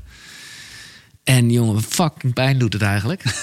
maar eh, ik, ik doe dat nu, nou ja, ik doe het eigenlijk maar één keer per week moet ik zeggen. Maar dan doe ik het ook wel intens. Ja, dat is goed genoeg. Lig ik op, nou ja, eigenlijk de vier noordoost-zuidwest, zal ik maar zeggen, van mijn buik. En dan gaat die bal gewoon in mij. Waardoor ik ja, jij kan het beter uitleggen, denk ik, Casper. Eh, da- daar, ja, daardoor moet ik er omheen gaan ademen. Of moet ik, ja, uiteindelijk komt er toch een moment dat ik relax moet ademen. Ja. En ja, ik heb gewoon, ja, ik- nou ja, ik, ik, ik, ik voel en zie het resultaat. Omdat ineens die, ja, die spieren worden gewoon eh, ja, gemasseerd, denk ik. Of, Ja, ja. het is eigenlijk, ja, het, het, het doel is om dus lang genoeg op die bal te liggen dat het bindweefsel daar overheen kan gaan Ja. ontspannen eigenlijk. En er zijn heel veel manieren om met bindweefsel te werken. En bindweefsel is een soort van, ja, je kan bijna zeggen een heel intelligent weefsel. Eh, wat dus heel goed is in, in herhaaldelijke bewegingen opslaan, dus ook spanningen opslaan. En Want daar zit, dat, dat is, want we hebben het heel vaak over spieren. Maar bindweefsel is misschien zo'n, nou ja, het minstens zo belangrijk. Ja, bind, bindweefsel. En er zijn verschillende bindweefsellagen. Dus bindweefsel is een beetje een, een. Ja, oké. Maar het is, het is in feite een soort van... ehm, je kan het bijna zien als een, als een, een pak wat je aan hebt om je spieren heen. En als we kijken naar anatomieboeken, dan zien we vaak dat spierenpak, weet je wel. En dan is de huid weg. Maar Ja. tussen de huid en die spieren is het bindweefsel, fascia. En er zijn verschillende soorten, verschillende lagen. Ehm, maar dat kun je bijna zien als een, als een, eh, als een eh, pak met elastieken wat je aan hebt, dat je over je spieren heen draagt. En ehm, als je een, eh, een beweging vaak maakt, dan krijg je meer elastiekjes in die richting. Maar dat kan ook verkleven, dus je kan ook bindweefsel gaan verkleven. Nou, en als je bijvoorbeeld ehm, eh, een vaardigheid leert, of je wordt ergens heel erg goed in, hè, bijvoorbeeld eh, golfers of Ja, ja, ja. mensen die baseball spelen, ja, dan, dan gaat je bindweefsel je dus helpen om dat te doen. Uh, hardlopers ook. Hè. Dus in het begin loop je hard op je spieren. En dan ga je dat lang genoeg, dan integreert het in je systeem. En dan kun je eigenlijk veel meer halen uit de veerkrachtigheid van je bindweefsel. En dan ben je veel minder je spieren aan het belasten tijdens het lopen. Nou, dat zijn een paar voorbeelden. Ja. Betekent ook, als je een leven leeft van stress en van angst en van dat soort dingen. En je bent heel vaak ineengedoken en je zit altijd in eenzelfde houding, dan gaat dat bindweefselpak zich daaraan aanpassen, waardoor je dus uh, spanningen op gaat slaan. En er is een. Uh, een hele belangrijke onderzoeker genaamd uh, Tom Meijers. En die heeft een boek geschreven dat heet Anatomy Trains. Daar is heel veel van dit soort werk op gebaseerd. Het is fantastische uh, literatuur om naar te kijken. Um, maar er is ook binnen dat veld uh, en ook binnen de traumatherapie wordt er heel veel gekeken naar van ja, dat weefsel, dat slaat dus bepaalde spanningen op, fysieke spanningen. Dus elke keer als je een stressvol leven leidt en je denkt aan iets wat je, waar je niet aan wil denken, of je voelt je even onveilig, of je krijgt een mailtje binnen wat je niet wil, of je checkt nog even snel je e-mail bij het stoplicht ja. en dat soort dingen, dat, dat je ergens een, een aanspanning maakt. Hè? Dat is een bevestiging van een gevoel van onveiligheid. Nou, en heel veel mensen komen in hun hoofd te leven. Waardoor ze niet doorhebben dat het lijf de hele tijd eigenlijk de rekening betaalt voor al die mentale activiteit. Door de hele tijd maar een spanning op te slaan. En ja, vorm past zich aan naar functie. Dat is een biologisch principe. Dus als je een functie heel vaak vraagt, dan gaat jouw vorm daar letterlijk op aanpassen. Dus, dus als jij regelmatig dus gestrest bent en gecringed in je buik. de meeste mensen die slaan het dus op inderdaad rondom hun ja. uh, buik. Hè? Want als je, een, een, als je je onveilig voelt, uh, en dat is wat stress eigenlijk is, hè? Ja. een bepaalde is een strategie om met onveiligheid om te gaan. Als je het, even, als je het uh, vanuit uh, overlevingsprincipes bekijkt. Dus er is zo'n moment gevoel van onveiligheid. En ja, denk er maar aan als, als je op het punt staat om een klap te vangen, dan doe je eigenlijk dit. Ja. En je spant aan vanuit de psoas, een grote spier hier. En je zet eigenlijk je buik op slot om een klap te kunnen vangen. En ja, veel mensen die komen in een riedeltje te leven, waarin ze altijd dat op slot hebben en dat bindweefsel ja. past zich aan. Dus dat is een beetje hoe dat. Uh, uh, nou, ik denk dat dat, dat letterlijk bij mij gebeurd is. Ook omdat dat is bij jou gebeurd. Ja. En toen we dat los gingen maken. En het duurt eventjes, want het bindweefsel, dat is dus. Ja, dat, dat, dat kan dus jarenlang in dezelfde vorm blijven. Ja. Dus er is best wel zijn er soms. Er zijn ook hele zachte manieren voor om dat te doen. Maar er zijn ook hele intense manieren. Nou, dit is dan een hele intense ja. manier. En ik heb jou ook nog die hele, hele, hele uh, schroevendraaier bij jou gedaan. Ja, en zo. ja, ja, en ja, hele, helemaal. Die hele bindweefselbaan eigenlijk opengetrokken. Nou, daar kwam best wel wat bij naar boven ook. Hè? Dus dat is ja, emoties bedoel je. Ja. ja, nee, dat, dat vind ik het mooie eraan. Daarom zeg ik dat bindweefsels niet even een uh, vulseltje. Nee, dat is, ja. Dat, ja, zoals je al zegt, dat slaat... Dat slaat gewoon. Ja, en er zijn mensen die erover spreken alsof het bijna zijn eigen zenuwstelsel is. En, ja, en er zijn mensen die in, in verschillende uh, lichaamswerk, trauma uh, therapieën werken, die zeggen van ja, nee, het is het bindweefsel die eigenlijk de emotie opslaat. En als dat loskomt, ja, dan komt dat boven. En ik ben, ben dat gaan ontdekken een paar jaar geleden toen ik in, uh, toen was ik net begonnen met, met het bindweefselwerk doen. En ja. ik me realiseerde van, oh ja, ik heb toen eigenlijk een maand lang elke dag vijf minuten lang mijn eigen midden Bij jezelf? Ja, ja, ja, okay, ja. alles boven ook stress en zo, en, maar ook emoties en ook herinneringen. Dacht van, nou, dit is te gek. En dat ga ik in die workshops doen. Dan had ik mijn eerste tour in New York. Ik was al een keer in LA geweest, maar ik was in New York. En dat is zo'n heel high-end ding. Dus ik dacht, nou, we gaan lekker even met dat ding. En, en ik zat er met een groep. En opeens waren er drie mensen aan het huilen. Ja, en ik dacht, precies. wow, wacht even. Ja, hier ja. gebeurt echt wat, weet je wel. Gelukkig was er een goede setting voor. Maar ik, wel, ik, ik noem dat erbij, omdat ik ging naar Amerika. Zo van, ja, oké, okay, iedereen gaat je proberen aan te klagen. Oh ja, dus je was helemaal bang. Ik ga helemaal, en opeens zaten er drie mensen te huilen. En ik dacht, oh ja. Maar goed, het is helemaal niet zo. Mensen waren hele vriendelijke, fijne mensen. Het was een hele mooie sessie. Want het kwam heel puur naar boven. En um, ja, eigenlijk sindsdien pas ik dit veel toe. En zie Ja. ik heel vaak dat er emotie vrijkomt. Zeker bij dit soort intens werk. En wat jij eigenlijk zei, van ik, je zei ik kan mijn buikspieren niet aanspannen. Nee. Maar eigenlijk kon je ze niet ontspannen. Nee. En daardoor voel je het niet als je ze probeert aan te spannen. Nou, het is gewoon heel interessant. Het is, dit is dan één, één ding, maar waar het eigenlijk over gaat, is van ja, dat, dat lijf, daar zit zoveel in. En er is zoveel te ontdekken. Ja. En voor mijzelf ook nog. Er zijn nog Ja, en wat ik er mooi aan vind is dat jij het. eh, eh, nou ja, er zit een beetje biologie bij. Maar er zit ook. Nou ja, ik noem het maar toch even spiritueel. eh, Ja. Zit daar heel veel bij. Ja, bijna. Ja, toch? Dat, dat- Absoluut, Ja. absoluut. Ja.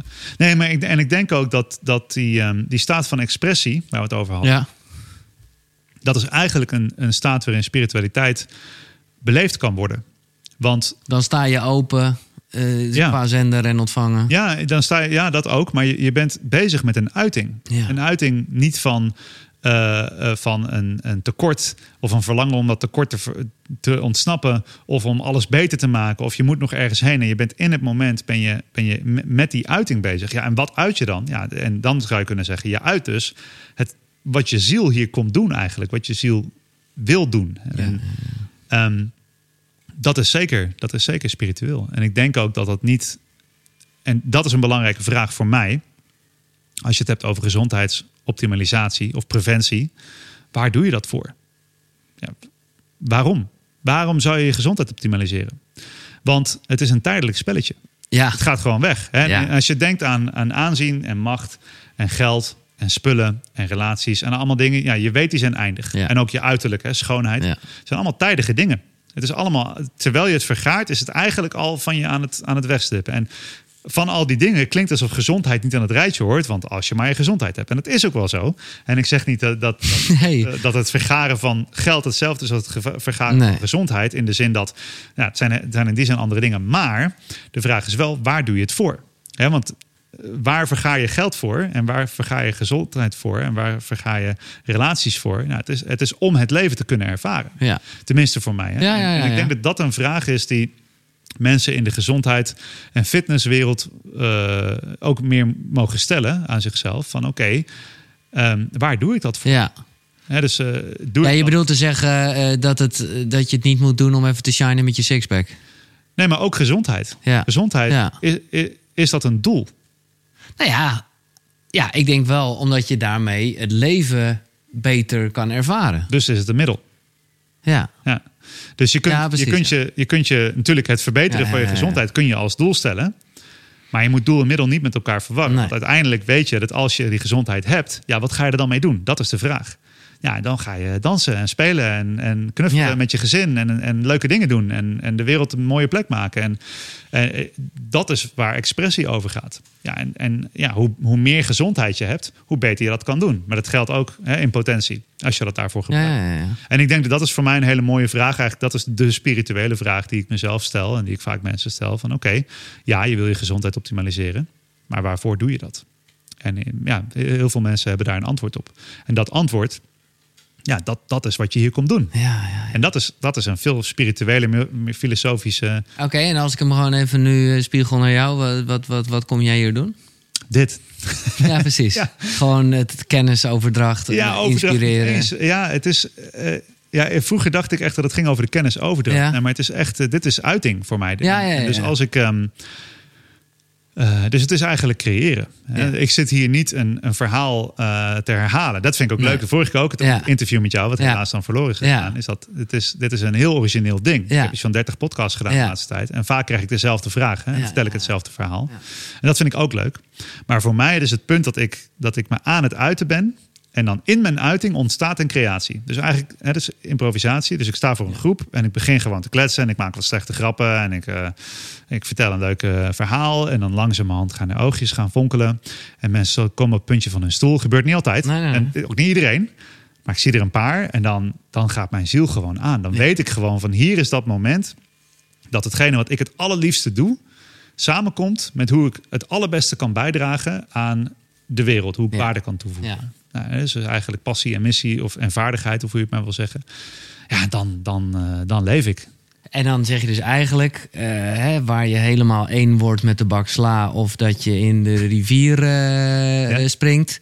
dat ja, gebruik je om, dat, om, om dit te kunnen doen. Ja, Ja. absoluut. Ja, gebruik ik. Nou, dat, Nou ja. dat is, de laatste tijd is dat ook steeds meer een deel. Ik ben er steeds beter in om, om al die onderdelen van mijn leven echt zo voluit te ervaren. En eh, dat is heel recent. Dat heb ik, eh, Hmm. heb ik een beetje te danken aan de, aan de quarantaine en de lockdown. Dat ik echt gewoon eh, nog meer tijd had om, om daarmee bezig te Ja, je bent ineens lang in Nederland ook. eh, Ik ben opeens veel langer in Nederland dan ik ooit ben geweest. En ik merkte, dat- dit is dus voor het eerst dat sinds mijn zeventiende, sinds mijn, misschien zelfs mijn zestiende, dat ik langer dan drie weken niet voor een groep sta. Ja, ja, ja, ja, ja. En dat ik echt moest afkicken in het begin. Ehm, en, en toen ik op tijdloos was, was Ja. helemaal high. Dat was voor het eerste maanden dat ik weer... Ja, dat was echt een soort natural high. Ja. Ja, en dat was ook echt met, met, met, met allemaal fantastisch publiek. Mensen die er helemaal voor open staan. En helemaal losgaan. Ja. Ehm, ja, en dan is het altijd weer de vraag van ja, daar kun je aan die high kun je dus ook weer verslaafd raken. En dat is wat heel veel artiesten ervaren. ja. Ehm, en eh, daar, daar, ja, daar, ben ik me van bewust dat, eh, ehm, dat dat kan, dat die valko er is en dat, dat gaat aardig goed. Maar ja, dankzij eh, het veel gewoon thuis zijn en zijn, is het me ook steeds beter gaan lukken om dat gevoel te vinden in, in alle dingen, in alle dagelijkse Mhm. dingen. Jij hebt eh, veel geprobeerd. Dat is natuurlijk wat je als biohacker doet. Van wat, eh, wat gebeurt er met me? Eh, zo heb jij ook ayahuasca gebruikt, het Mhm. plantenmedicijn, of, en ook wel andere plantenmedicijnen. Maar ik kan me voorstellen dat die eerste keer, ehm, ja, dat dat toch wel bijzonder is geweest. Ja, ja. Ja, maar ik had wel echt doodsangst. Oké, Ja. ja. Ik was me er heel erg van bewust dat, eh, dat eh, het deel van mij wat zich overal druk om maakt... en Ja. alles wil controleren... ja, Dat, dat die het waarschijnlijk niet ging overleven. oké. Dus ik had een soort van existentiële angst. Ja, want eh, het, het deel van mij wat alles kan uitleggen... en wat alles heel mooi kan vertellen... het perfectionisme en zo... Ehm, ja, dat is natuurlijk ook het deel als je, wil, als je in overgave wil leven. Ja, ja, En, ja, en ayahuasca nodig je toch echt wel uit het overgave. Het loslaten. Het loslaten van controle. Of eigenlijk niet loslaten van controle. Het loslaten van de behoefte aan controle. Dat was voor mij eh, eh, heel, eh, heel lastig. Ehm, en ik had, ja, vroeger was dat uitte zich mijn controlebehoefte in dat ik een soort van neurotische dwangstoornis had, weet je wel. Ja, ja, Dus ik weet hoe het is om in controle te leven. Nou, dat is niet leuk. Dus ik had zoiets van, ja, weet je, dan ik, ik weet hoe dat is. Dus waarom zou ik de rest van mijn leven in die controle proberen Ja. te leven? Maar het was wel echt even heftig ja, om dat los te laten. Maar ja, in alle opzichten de moeite waard. Ja. Maar heb jij dan nu helemaal niks meer van controle? Als we even gaan naar een, een, een, basisvraag. eh, in dit gesprek is altijd de ochtendroutine. Hoe eh, ja, ziet de ochtendroutine van eh, nou ja, de biohacker eruit? Nou ja, gewoon hoe, eh, van Casper. Ja. En zeker de Casper zoals ik hem nu hier zie. En, en, en, en hey, de expressievorm, zeg maar. Waarbij, kijk, ik zit, ik ben me er heel erg van bewust in een tamelijk geforceerde tijd. Maar dat geeft me houvast. En ik weet gewoon van, ik doe elke dag dit en dit en Ja, dit en dit en dit. Nee, Nee, dat vind mooi. ik... eh, maar ik ben wel benieuwd, omdat ik wel voel aan jou dat jij veel meer ja, in flow, ik weet niet hoe je dat moet zeggen, maar gewoon, gewoon wat relaxter bent. Ehm, ja, op zich wel. Ehm, nou ja.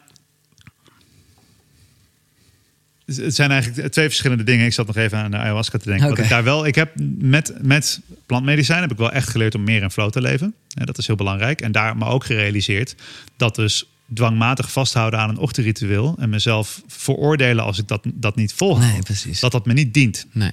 En, en dat is eigenlijk de vraag hè, die die ik me veel meer ben gaan stellen sinds ik in overgave leef. En dan, ja, plantmedicijn is dan een manier, is eigenlijk een, een, een soort van teacher, een, een behulpzame eh, tool Ja, ja, ja. om meer in overgave te leven. Eh, is de vraag, dient het me? Hè, dus dat die vraag van waar doe je het voor, dat is één ding. En tegelijkertijd alle dingen die je doet, dienen die dat wat je doet. dus is Ja, het in ja, dienst van mijn, van mijn expressie? Waarop ik me ook realiseerde dat als ik mijzelf. ehm, in het begin had ik dat nodig, hè, om mezelf ertoe te zetten. Zo van ja, ga nog gewoon je bed uit. En, en eerst bewegen en eh, telefoon weg en eh, dat soort dingen. Ehm, ja, dat, dat, dat, dat afdwingen, dat diende me op een gegeven moment niet meer. Toen heb ik, ben ik gaan, eh, als, gewoon puur als experiment. Het was eigenlijk mijn experiment van 2020. En ik ben dan toevallig, mijn eerste ayahuasca-ceremonie was dan toevallig ah, eh, middernacht. tweede, Ah, oké. dat is de eerste, eerste uren van 2020, om maar zo te zeggen. Nou, en het is niet alleen die ene, dat ene ding, maar er kwam natuurlijk heel veel in samen. En mijn ehm, eh, experiment was eigenlijk, mijn, mijn, mijn onderzoeksvraag was... Gaat het universum ontploffen en verdwijnt alles? En eh, weet je wel, is het leven eindig? Vergaat de wereld als ik me een jaar lang eh, niet mezelf dwing om dingen te doen? Nee. eh, me niet zorgen maak om de toekomst en even de controle loslaat. Stel nou als ik dus wakker word zonder een heel duidelijk idee wat ik precies moet doen nadat ik wakker word. En ik vraag gewoon, hey, wat dient mij vandaag? Want dat, eh, of hoe kan ik van dienst zijn? Ja. Dat zijn eigenlijk de twee vragen. Wat Ja, dient mij en hoe kan ik dienen? En ehm, dat heeft mij ertoe geleid dat ik veel meer kan luisteren tot mijn intuïtie. En het, afgezien, eh, te- eh, eh, als, ik, als ik terugkijk, ben ik ook heel dankbaar dat 2020 gestart is. Nou, alvast met Ik wil net zeggen, ja, ja, ja inderdaad. Want eh, er kwam een hele hoop loslaten bij. Dat werd Ja. ook meteen grondig op de proef gesteld. Ja. eh, hoe bereid ik daartoe was. En ik heb een hele fase gehad van, van echt dat helemaal loslaten. En dat ik merkte van ja, er zijn bepaalde dingen die ik daar dus met meer gemak doe. En dat ik dus ook merk dat heel veel van mijn rituelen. Die blijven gewoon staan. Ja. En, eh, want het is niet zo dat ik, eh, dat ik opeens slecht ben gaan eten. nee. Want ik geniet, er nog, ik geniet er nu volledig van Ja. om die salade te maken. En om, en om te gaan sporten vier of vijf keer in de week. Alleen, als ik een keer een dag oversla, ga ik niet boos op mezelf zitten. Nee. En eh, gezond eten sla ik eigenlijk nooit meer over. Dat is echt zo'n basis geworden. Maar een dagje, als ik denk van ja, morgen, morgen ga ik echt even keihard ga ik echt, een PR zetten. En dan word ik wakker. en, en ik voel me niet fit en ik weet dat het mijn, mijn lijf niet zal dienen om die PR te zetten, dan zou ik eerder hem toch doen. Ja, en als daar strebertje. ben ik ja. van geraakt. Ja, ja, eh, ja, ja, ja, anderhalf precies. jaar geleden. Ja. En nu heb ik gewoon zoiets van, oké, dan is misschien niet, ga ik eh, wel gewoon wandelen en luisteren naar mijn lijf. Oké, dan stel ik de vraag eh, bij jou net even iets anders. Hoe ziet een gemiddeld ochtendroutine oh eruit? Oh ja, daar- daar- Ja. Dat, dat was de concrete vraag. Nee, maar ik snap hem nu heel erg. En Als het, ik enthousiast word, ga ik te veel nee, nee, nee, maar ik, ik vind Nee. het een mooie... Dus het, wat voor mij heel belangrijk is, is eh, nou, tape van mijn mond af. Dat, Ja. dat is eentje. Maar ik check daarvoor altijd wel eventjes hoe het met mijn ademhaling is. Dus eigenlijk, zodra ik wakker word, begin ik met adembewustzijn. En eh, de mate waarin mijn neus open of dicht zit, ehm, eh, de mate waarin mijn ademhaling samenwerkt met mijn hartslag. Dat is een belangrijke. Ehm, eh, de stand van mijn tong check ik ook 's ochtends. Maar dat heeft meer te maken met, het, eh, met het, eh, ja, mijn, mijn doorgaande missie om het snurken volledig weg te Dus krijgen. hij moet niet te veel erin liggen. Ja, ik heb geleerd in het afgelopen jaar. Dat is weer, ik kan- ik weer een uur over lullen, maar ik zal het concreet en kort houden. Maar in ieder geval, mijn, mijn tongpositie was suboptimaal, waardoor mijn, mijn tong is lui. En, het voel, en die hoor je ook, ik slis een beetje. En Ah. ik merk nu al, ik ben nu dus heel hard aan het oefenen. En als ik het terug ga luisteren, ga ik me daaraan ergeren. Dat op sommige momenten doe ik mijn, mijn logopedie oefeningen en slis ik niet. Hè, dan hou ik mijn tong achter mijn tanden, zoals ik nu doe. En sommige momenten slis ik wel. Namelijk als ik gewoon gepassioneerd aan het praten ben en niet nadenk. Ik word er helemaal naar van. Ja, Waarom ja, ben ik ja. er in vro- vredesnaam over begonnen? Ja, heerlijk. Anyway, het punt is dat eh, dat is voor mij een factor om te checken. Want als ik, er zijn, het is een hele cascade. Hè? Dus ik weet, als ik heb gesnurkt en ik heb door mijn mond geademd... en ik kan nog steeds snurken en door mijn mond ademen met mijn mond dicht getaped. dat, is, dat is knap, want Ja. de meeste mensen kunnen dat niet. Ehm, en mijn tong ligt lui in mijn mond. Ik heb een, ik heb een droge mond. Dus ik heb door mijn mond geademd. Eh, dan weet ik dat ik waarschijnlijk een lage remslaapscore heb. En dat ik waarschijnlijk die dag ehm, minder scher- scherp en alert ben. En dat er dus meer noodzaak is, of eigenlijk dat er meer kans is om met mijn ochtendritueel mijn dag beter te starten. Dus dat is een hele belangrijke voor mij. Ik check in welke mate heb ik airflow door mijn neus. In welke mate is mijn mond droog of niet droog? Maar vooral in welke mate werkt mijn hartslag samen met mijn ademhaling? En als ik in de rust ben, als ik goed hersteld ben, dan kan ik voelen dat met elke in- en uitademing is er een hele kleine fluctuatie in de snelheid van mijn hartslag. Dat noemen ze ook wel hartslagvariabiliteit. En dat is er voor mij eh, eentje waar ik op let, omdat ik gewoon weet dat die echt iets zegt over mijn herstel en over hoe klaar ik ben voor de dag. Nou, dat klinkt als een heel uitgebreid verhaal, maar dat is één minuut. Even checken, ja. Ja, dus het is echt gewoon voelen en dan, en dan weet ik het. Je hebt ook, even voor de duidelijkheid, ook hartritmestoornissen gehad en zo, toch? In zekere zin wel, Ja. ja. ja, ja, Het is niet, niet een. eh, ik had niet de, de pathologie van hartritmestoornis, Ja, oké. maar ik had eigenlijk stress en paniek gerelateerde soort. Oh, van- daar het. ja, eh, Ja. ik was vooral heel erg paranoia over mijn hart. Oké, ja. Ja, dat is, eh, het is zo grappig, want als ik het zo in, een- in een interview allemaal vertel, dan klinkt het alsof ik echt één grote bak ellende heb, terwijl Nou ja. ik mijn leven niet zo zie. Maar nee, ja, als eh, ik het heeft toch allemaal zoveel opgeleverd. Het er heeft heel veel kennis opgeleverd in ieder geval. En, Het heeft me eh, veel opgeleverd, ja. maar ik, ik heb niet het gevoel dat ik een heel zwaar leven Nee, gehad. hoor, helemaal goed. niet. Ik heb er altijd wel luchtig, in zekere zin luchtig ingestaan. Behalve toen ik echt er wel even doorheen zat. Maar ehm, ja, dan, dus adem, bewustzijn, check, hartslag, check. Ehm, heel belangrijk is voor mij om ehm, zo snel mogelijk daglicht binnen te krijgen in mijn ogen. Dus ik wil eigenlijk eh, zo snel mogelijk daglicht. naar buiten, echt Ja, daglicht. Nou, ja. Het is nu heel lastig als ik wakker word. Ja. Ik heb dan een daglichtlamp.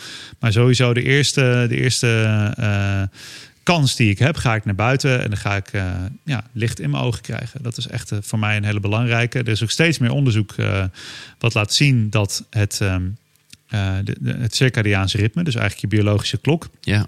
Die in een 24 uur cyclus werkt, ongeveer, een 24 uur cyclus, die is heel erg afhankelijk van zonlicht. En dan denken van ja, oké, eh, wat doe, moet ik daarmee?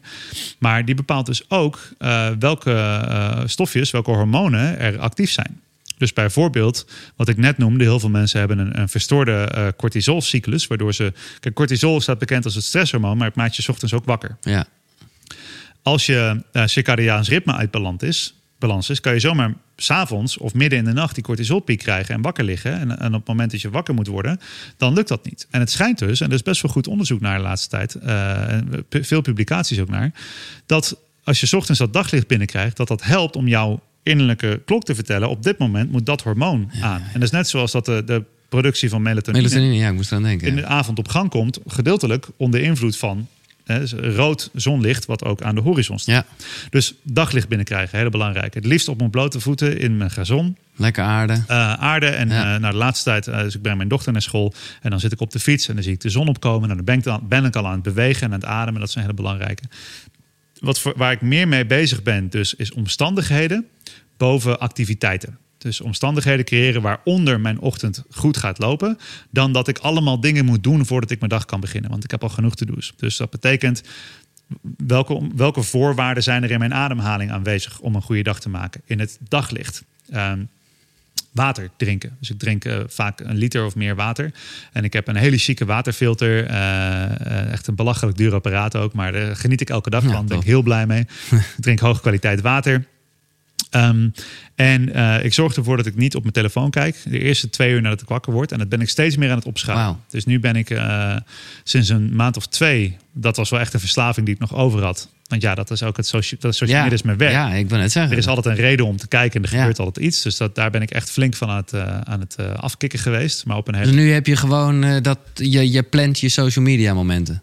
Ja, maar. ik plan mijn social media momenten. Mm. En, ehm, dus ik ben een eh poosje geleden ben ik begonnen met eh, in ieder geval één dag in de week helemaal niet naar kijken. Gewoon Nee. niet met die telefoon bezig. Eh, na een retreat ook, waarin ik een, eh, Ja. echt, echt een week lang even eraf ben geweest. En dat het toen makkelijker was. En toen merkte ik bijvoorbeeld dat ik ehm, een week lang offline was geweest. En dat ik alle e-mails en notificaties kon afwerken in vier blokjes van 20 minuten. Ja. En normaal gesproken was ik daar dus die hele week. En, en ik had dan bijvoorbeeld, ik had dan 400 notificaties in mijn Instagram. En er waren er 20 waar ik eigenlijk wat mee wilde of moest. Ja. En eh, die had ik binnen 20, Ja. of twee blokjes van 20 minuten had ik die gedaan. Anders had ik daar in die week had ik al die 20 400 minuten per dag. Ja. allemaal gezien, weet je wel. En ik dacht van wow, en opeens had ik bandbreedte. Dus het was voor mij wel echt een, eh, een wake-up call. Hm. Dus wat ik nu in ieder geval doe is twee uur voor het slapen gaan en twee uur na het wakker worden, eh, is niet met mijn telefoon bezig zijn. En ehm, wat ik dan wel doe trouwens, is mijn slaapscore checken. Vaak Ah, ja, ja, ja. tussendoor. Maar ook niet meer meteen als ik wakker word. Dus dan kijk ik hoeveel remslaap ik had en wat mijn hartslag was. Maar dat is een hele belangrijke voor mij. Om dus de dag te beginnen met mijn eigen gedachten. Ja. Eh, en niet met wat moet er gebeuren en eh, wat vind ik Maar gewoon, wat wil jij? Wat voel je? En dan zet, en ik zet ook altijd een intentie voor de dag. Eh, ik, ik doe altijd elke ochtend dankbaarheid beoefening. Dus er is zeker een, een, een, een routine. Ja. Ademcheck, daglicht, dankbaarheid, aarde, dus buiten zijn, bewegen, intentie zetten, telefoon weg. Alleen ik heb niet meer eh, een, een soort van structuur. Zo van nu moet dit gebeuren en dan ga ik tien minuten dit doen en dan- zoveel dat doen. En bijvoorbeeld op basis van die ademcheck bepaal ik in dat moment in improvisatie wat ik nodig heb. Ja. En soms heb ik dan merk ik van ja, dit wordt echt 20 minuten ademwerk doen om, om ja, weer op die plek te zijn die ik ken. Van dat goede gevoel van nu ben ik er klaar voor. Dat is een soort van intern gevoel dat iedereen kent. Zo van ja, hey, ik ben er klaar voor. En soms dan eh, ben ik twee minuten bezig en denk hé, hey, da- daar is hij. Top. Weet je? En, eh, En voor de rest eh, niet vast, geen koffie. ja, dus eerder was inderdaad, deed ik al die dingen Ja. na koffie. Ja, oh ja, ja. Dus dat is er ook eentje die ik, die ik eruit heb gehaald. Om te Ja. kijken van wie ben ik eigenlijk zonder koffie. Dat wist ik helemaal niet meer. Ehm, want ja, zo, zo lang zoveel koffie drinken. En koffie heeft natuurlijk heel veel voordelen. Ehm er is in heel veel opzichten ook gezond. Maar het is wel een, het is wel een druk. Ja. Het is een psychoactief middel. Eh, ja, het is zo grappig. We weten eigenlijk helemaal niet hoe de wereld eruit ziet zonder koffie. Maar, de hele wereld is gebouwd. Alle huizen die je eh, ziet, zijn alles. alle wijken, alle woonwijken, die zijn gebouwd op koffie. Weet je wel? Wat, wat zou er gebeuren als het er niet zou zijn? Dat is wel vage gedachte. Ehm, Maar heb je, gebruik je nu wel, want ik weet, dat gaat het ook in Mindlift over. En zo ken ik je ook wel echt ook een beetje als sportguy. Supplementen, ja. ja, en ik, ik gebruik, creatine. eh, cafeïne gebruik ik wel, nog wel eens strategisch. Ja, nu en dan. ja. Maar ik drink dan liever cacao tegenwoordig. Ah. Cacao heeft ook eh, cafeïne in zich, maar ook theobromine. En die geeft een veel rustgevender eh, gevoel. Ik heb inderdaad jaren ook mijn ontbijt overgeslagen. En nu ben ik puur als experiment, omdat ik zoveel dingen nu aan het veranderen ben en voor mijn werken, ben ik een paar maanden eens gaan ontbijten. Ja. Maar wel na tenminste 12 uur vasten. En soms 14 uur. Oh, oké. Dus ik eet dan s'avonds om half zeven mijn laatste Ah, maaltijd. En dan 's ochtends ontbijt ik om half acht. Dus dan Ja, zit er al ja, een ja. aardig- in ieder geval een moment van leegte tussen. Ehm, dat is weer een experiment. En ja, ik gebruik supplementen. Creatine is er Ja. eentje die ik eh, eigenlijk altijd wel gebruik eh, voor spierherstel. Maar die is minder bekend, maar heel goed eh, onderzocht voor zijn mentale voordelen. Dus alertheid. Eh, het, het- het helpt zelfs in, in ouderen met het tegengaan van de neurodegeneratie. Dus het helpt met het, eh, met het hersenweefsel Ja. eh, beter in stand houden. Ehm, Ja, en ik probeer me altijd uh, te berusten op de, ook de kennis van anderen. Ik, ik verdiep me hier heel erg in. Maar ja, ik, ik heb dan gelukkig uh, goede vrienden die, uh, en collega's die hier veel meer mee bezig zijn. Dus ik volg ook gewoon adviezen van ik slik Vitelli bijvoorbeeld van, oh, ja, Richard. van Richard. En Richard ik gebruik veel van de supplementen van Superfoodies, ja. van, van Jesse. Ja. En dat is ook een beetje mijn bubbel natuurlijk. Ja, ja nee, maar heel goed. Allemaal koekeroe vrienden. Dus daarom, daarom weet je wel. en, ja, dus, en dan creatine. Um, en, cacao is heel rijk ook aan allerlei dingen die je binnen wil krijgen. Uh, zoals bijvoorbeeld ijzer en magnesium. Dus dat drink ik graag ochtends. En ik probeer heel veel functioneel binnen te krijgen. Uh, dus, uh, dus via voeding, bijvoorbeeld ja. hennepzaad in mijn cacao. En, en kaneel helpt weer met het bevorderen van de vetverbranding en zo. Daar heb ik overal weer een lulverhaal over. Maar... Heerlijk. Nee, ik, ik, ik hou hiervan. Um, ik heb, voordat we naar de boeken gaan, laat ik dat niet vergeten. We zijn lekker lang aan het lullen, maar dat wist ik van tevoren, Casper. Het is, ja, ik vind het echt top. Maar ik heb twee uh, dingen die ik nog zeker even wilde checken. Namelijk iets. Ja, ik hoop dat je dat. Uh, misschien is dat een te grote vraag. Maar kijk, we kennen allemaal het stemmetje in ons hoofd. dat zegt dat je een loser bent. En uh, nou ja, dat, dat, dat ervoor zorgt dat je, dat je een zak chips gaat eten. Maar Zonder dat het misschien heel erg een doel moet zijn, maar nogmaals, in het begin kan het wel even lekker zijn. Datzelfde stemmetje gaat, kan, is hetzelfde stemmetje wat je zegt: uh, ga wel naar de sportschool of uh, dat. Hoe, hoe kan je dat stemmetje wat anders laten zeggen? Um, ik denk, in mijn ervaring, is het waardevol om dat stemmetje gewoon te bestuderen. En niet ermee bezig te zijn dat hij zich anders moet gedragen. Of dat hij iets anders moet zeggen. Of nee, want dan ga je forceren en die wordt alleen maar sterker. Ja, okay, ja. Ja, ja. En, maar echt, het is lastig. Het is echt moeilijk. Dus hem alleen maar bestuderen. Mm -hmm. Hé, hey, er is hij weer. Dat is interessant. En het helpt mij uh, om hem een naam te geven. Dus om een, bepaalde. Dus ik en heel veel mensen die dit werk doen, wat ik doe, en mensen die bekender zijn, bijvoorbeeld, die hebben het, de imposter syndroom. Dat gevoel van, uh, ja, ik krijg allemaal wel aanzien en leuke dingen en allemaal kansen. Maar ja, straks komen ze erachter dat ik dat eigenlijk helemaal niet waard ben. Ja, ja, ja, en het grappige is trouwens, dit is echt een taboe.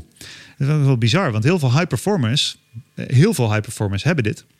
En uh, op een gegeven moment dacht ik van ja, weet je, ik ga het gewoon een keer op het podium delen. Ik ga gaan over praten. En dat er achteraf allemaal mensen ook soort van, soort van stiekem naar me toe kwamen. Zo van hé, hey, dat je dat zei, dat was, oh, dat raakte me echt. Ja. Weet je, dus ik dacht van oké, okay, dan ga ik het ook gewoon, dan ga ik het erover hebben. Goed, ja. Maar zo noem ik hem. Dus ik heb gewoon, ik heb, hij heeft een, eh, of, of uh, eerder noemde ik hem uh, The Great Trickster. Dat vond ik ook wel mooi. ah, ah the great is it you, the great trickster? Daar heb je hem weer. Interessant. Wat heb je vandaag te vertellen? En wat mij betreft Um, ja, dus laat is het, het, belangrijk om daarnaar te luisteren. Ja, laat het stemmetje er vooral zijn. Uh, dus gewoon. Maar met een onderzoekende houding. Mm -hmm. Op dezelfde manier dat, uh, uh, ja, dat je als je een, een hele enthousiaste puppy hebt. En die puppy die wil van alles. Dat je dat helemaal niet zo serieus... En natuurlijk, oh, hij wil die een bal. Schattig, hij wil een bal. Ja. Oh, je gaat die bal mee zoeken, doe maar. En als je dat met die innerlijke stem kunt doen... En, en er niet mee identificeren... En dat is eigenlijk waar het over gaat. Gewoon bestuderen met afstand. Minder identificatie. Want... Um, ik, ik, ik, weet niet of je ja, dat moet proberen om, die iets an, om hem iets anders te laten zeggen. Of om heel veel mensen denken hij moet weg. Het ego moet weg. Ja, het ego ja, slecht. En ik heb zoiets van ja, als je nou, als je nou um, ja, we hebben allemaal verschillende delen in ons. En als je dat voorstelt als een auto. En uh, ja, er is altijd iemand aan het stuur. Er zit altijd iemand te zeiken op de achterbank. Er zit altijd iemand naast je die, uh, Ja. die behulpzaam is en helpt kaart lezen. Weet je wel zo. Dan is de vraag een beetje van wie wil je dat er aan het stuur zit? Wie wil je dat de raadgever is? En wie wil je dat er op de achterbank zit te zeiken? En ja, wat, uh, waarom is dat stemmetje altijd aan het zeuren? Misschien is hij wel bang. Misschien is het wel een, een bang kind in jezelf. Wat op de achterbank zit en zegt: Ja, maar ik vind het eng, ik vind het eng. Ja, maar dit is stom, ik wil naar huis. En ja, die, die zegt van alles is stom, alles is stom. En die eigenlijk alleen maar op zoek is naar veiligheid. Nou, dan is het proberen weg te halen van dat deel van jou wat die angst heeft. Of het deel van jou wat die zorgen heeft. En dat proberen weg te duwen. Dat is eigenlijk het tegenovergestelde van wat je moet doen. Je zegt van nee joh, je mag gewoon mee. Dus mijn, mijn, mijn angst, mijn anxiety, waar ik jaren heb ik in de, in de ketenen van angst geleefd. Het is niet zo dat die stem helemaal weg is. Het is gewoon één van de raadgevers die ook aan tafel zit. Ja. Het is één van de mensen die met mij in de auto zit, maar wel eentje die ik veel minder serieus neem. Vroeger had hij, zat hij achter het stuur. Ja, ja, ja. Hè, Vroeger was hij de baas. En nu is het gewoon een van de raadgevers die soms best wat zinnigs te zeggen heeft. Hij mag er gewoon zijn. Maar het is niet, uh, krijg, hij krijgt niet meer uh, de leiding. Nice. Mooi, eh, ja, mooi, mooi antwoord. Oké. En een ander ding, maar misschien speel je er helemaal niet mee, maar ik hoor jou eh, twee dingen zeggen. En zo, zo, eh, nou ja, zo denk ik je ook te kennen. Aan de ene kant, nou ja, toch echt wel ambitie. In ieder geval, nou ja, wat je net zegt. Het, het, het, het, nou ja, het is dan geen kennisoverdracht, maar in ieder geval wel expressie. Hè? De, de, de- Ja, ja, en, en, en daar heb je zeker wel hè, met een opleidingsinstituut en hopelijk onderwijs en dat soort dingen. Tegelijkertijd heb jij gewoon een vrouw en een dochter. En is dat misschien, of misschien, dat is waarschijnlijk het meest belangrijke in je leven. En eh, dit is allemaal weer projectie voor mezelf. Hè? Gewoon omdat ik dat heel moeilijk vind om beide ballen hoog te houden. Omdat ze, ze lijken in ieder geval niet met elkaar te vereenzelvigen. Ja, voor, voor mij absoluut wel. Ja, ik heb wel dat leven geleefd. Ja. Dat, ik het ene dat ik altijd het gevoel had dat ik het ene aan het opofferen was voor het andere. Ja. Wat ik ook aan het doen was. Ja, Heeft me ook veel gekost. Ehm, eh, veel verdriet en, en, eh, veel, veel moeilijke tijden ook. Ehm, maar zo hoeft het niet te zijn. Ik denk dat die, dat, dat beeld. veel verdriet, dat was je scheiding en zo, denk ik dan. Ja, precies. Absoluut. En, maar, kijk, het een is niet belangrijk dan het andere. Ik, ik denk dat mijn twee belangrijk. De, de vader die ik ben en de vader die ik wil zijn, die wordt gevormd doordat ik een missie heb. En dat ik dus ook bereid ben om voor die missie te gaan. En ik wil dus ook een rolmodel zijn voor mijn dochter. Ja. En ik wil ook het soort, eh, het soort partner zijn in mijn relatie die weet wat zijn missie is. Hè, want als vader en als partner en, eh, eh, ben je denk ik ook sterker aanwezig als je weet waarvoor je het doet. Eh, en dat je dus ook weet wanneer je moet stoppen. Ja, dat, is het. niet. Dat is je grens aangeven. Ja. En dat betekent dus ook, en dat is weer de vraag van, eh, is het dienstbaar? Want ehm, ik, ik maak nu hele andere keuzes op basis van hoe ik mijn tijd indeel. Want er zijn bepaalde non-negotiables. Zoals bijvoorbeeld vrije middagen met mijn dochter. Nou, ik leef dan in de luxe. Ik heb de helft van de week heb ik mijn dochter. En ik wil haar van school halen. En ik wil eh, met haar eh, kunnen spelen. Bijna altijd. Hoeft Maar goed, als niet per morgen, als morgen, ik wil het zeggen, als morgen Oprah Winfrey belt, omdat ze nog Ja. even wil hebben over Mindlift, dan ga jij toch niet zeggen. eh, ja, nee, dan vlieg ik erheen. Ja. Nee. Maar dat, is, dat Ja. betekent dus ook dat, er, dat ik eh, heel selectief moet zijn. Ja. En ik denk dat, en dit is iets waar ik de laatste tijd veel meer mee bezig ben, is om eh, ja, echt alleen de dingen te kiezen die echt het meest in lijn liggen met mijn hogere doel. Hè, dus die echt dienend zijn aan mijn beste bijdrage aan het leven. En mijn beste bijdrage lever ik net zo goed als spreker op het podium. Voor mijn gevoel. Hè? Ja. Als ik vraag van wat komt mijn ziel Ja, doen. Als rolmodel voor mijn dochter. Als partner voor mijn vriendin. Als eh, eh, vriend voor Ja. mijn vrienden. Ja, ja, ja. Ehm, en, eh, maar het, het is altijd, inderdaad, het is de hele tijd een, een, het is een constante dans eigenlijk. Ja. Het is een hele tijd een beoefening. Nee, het is altijd weer afvragen. En het kost best wel veel tijd en, eh, en energie om, eh, om steeds maar weer te proberen bewust die keuze te maken.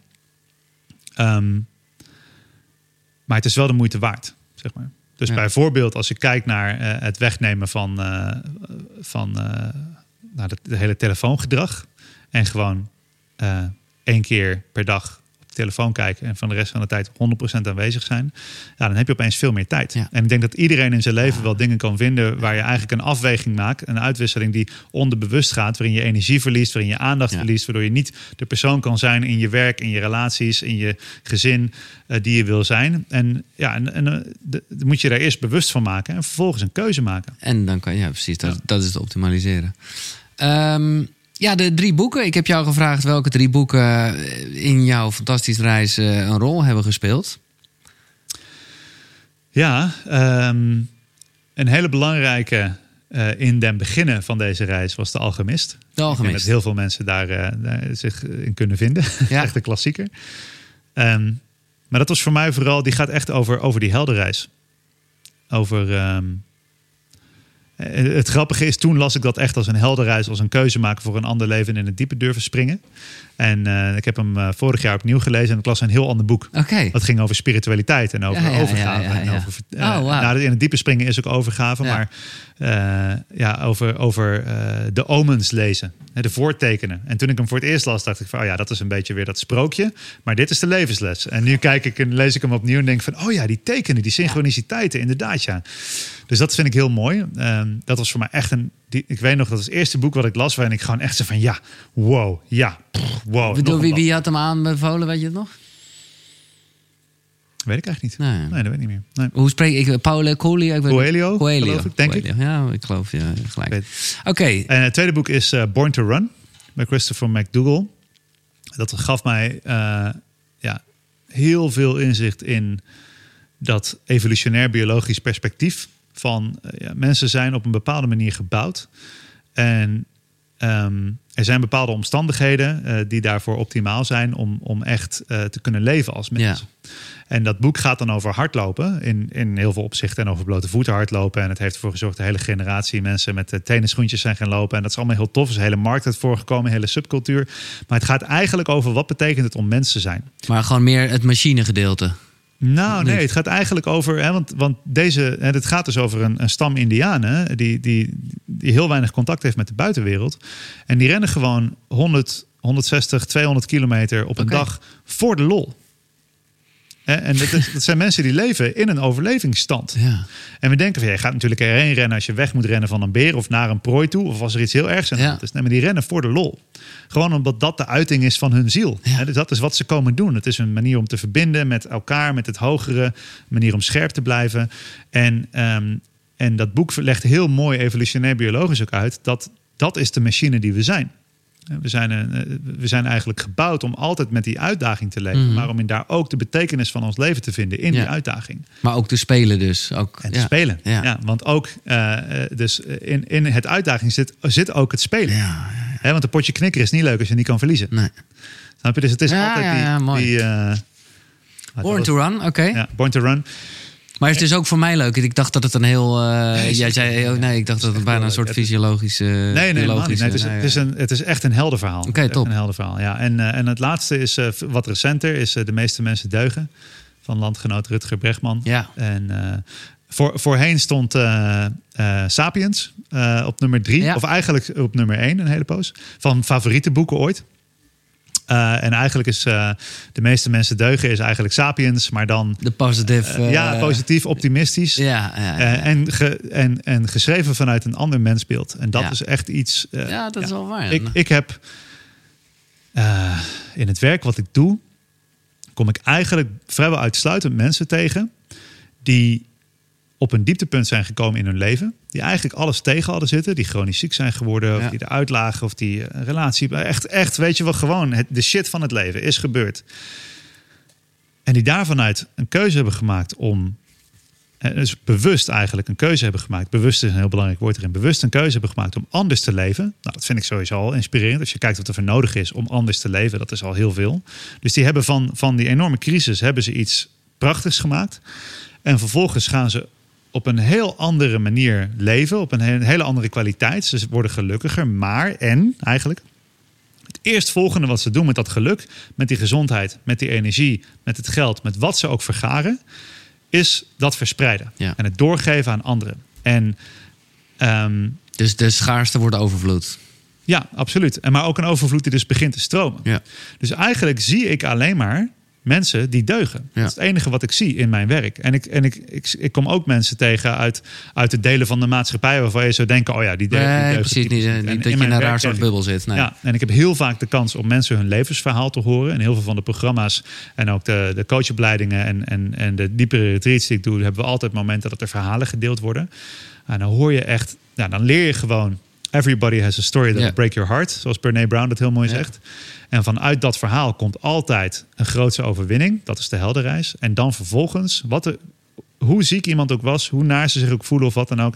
De volgende stap is doorgeven. Dit wil ik aan de wereld geven. Ja. Dit wil ik. En dat vind ik inspirerend.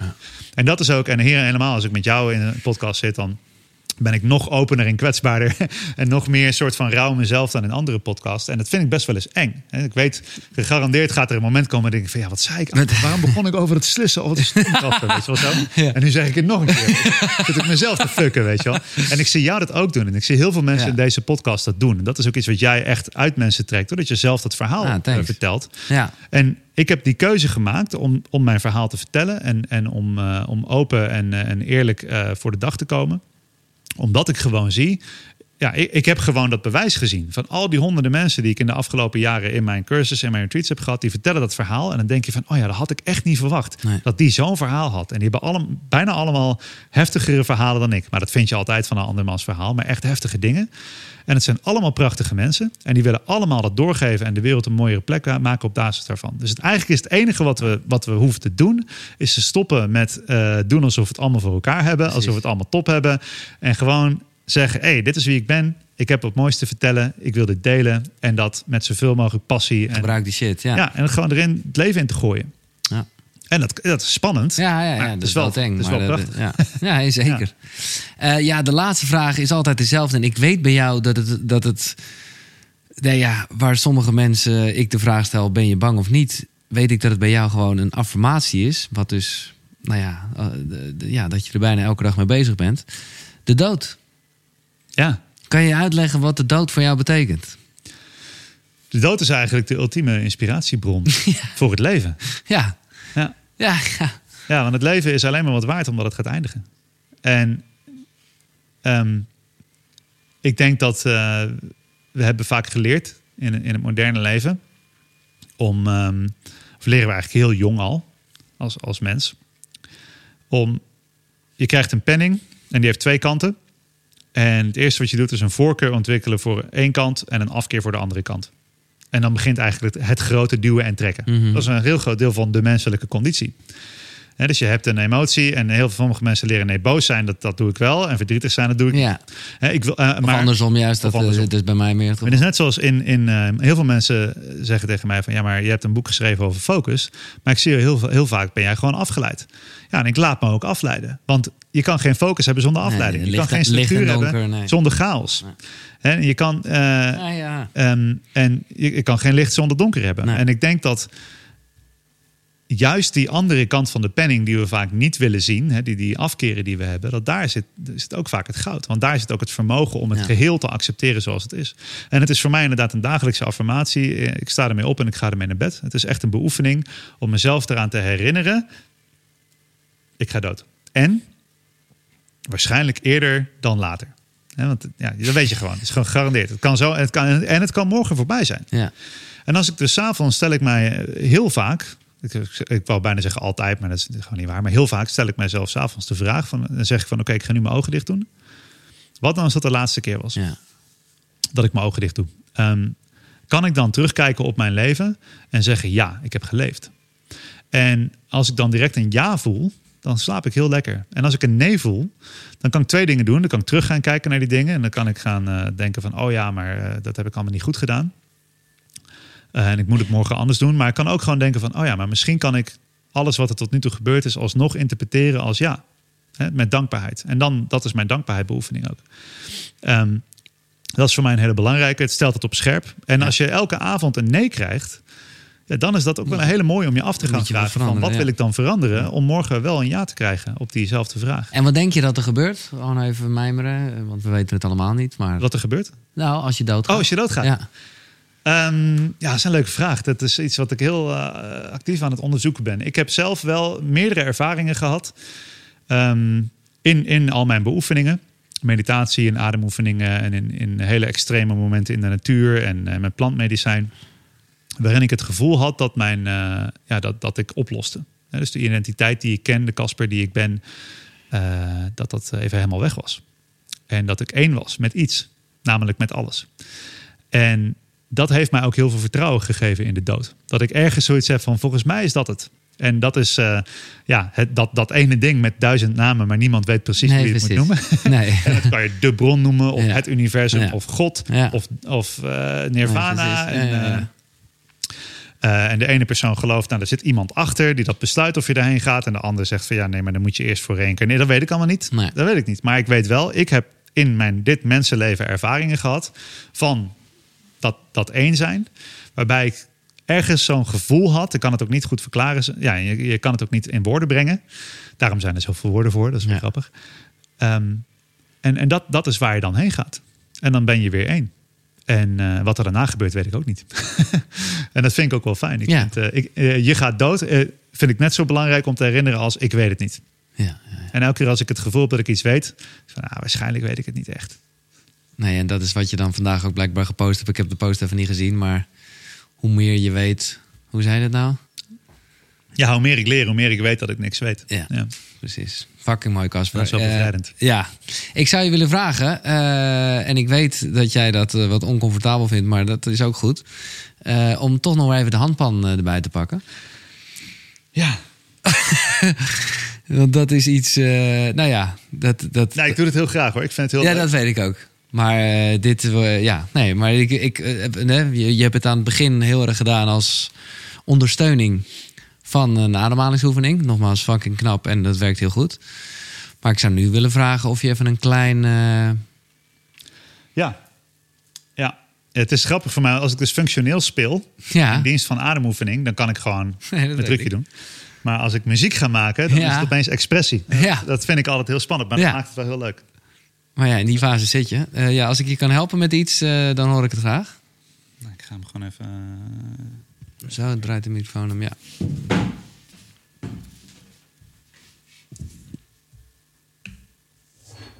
Oh. Hij is een beetje terug. Ah, dat komt wel. Als ik hem verder voorover buig, dan gaat hij waarschijnlijk omvallen. En dat, eh, dat gaat niet mooi klinken op de hand dan.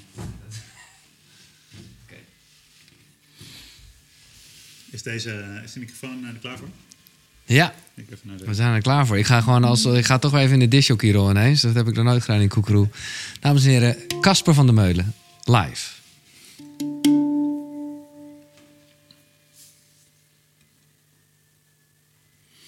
Thank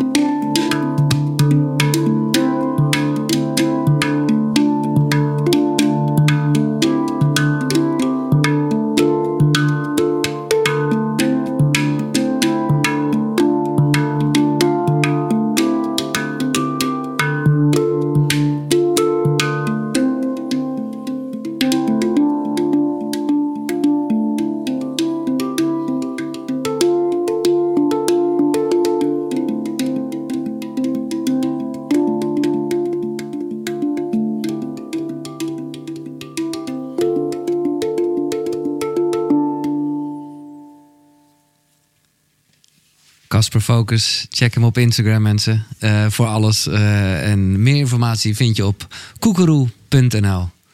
Dankjewel. Koekeroe.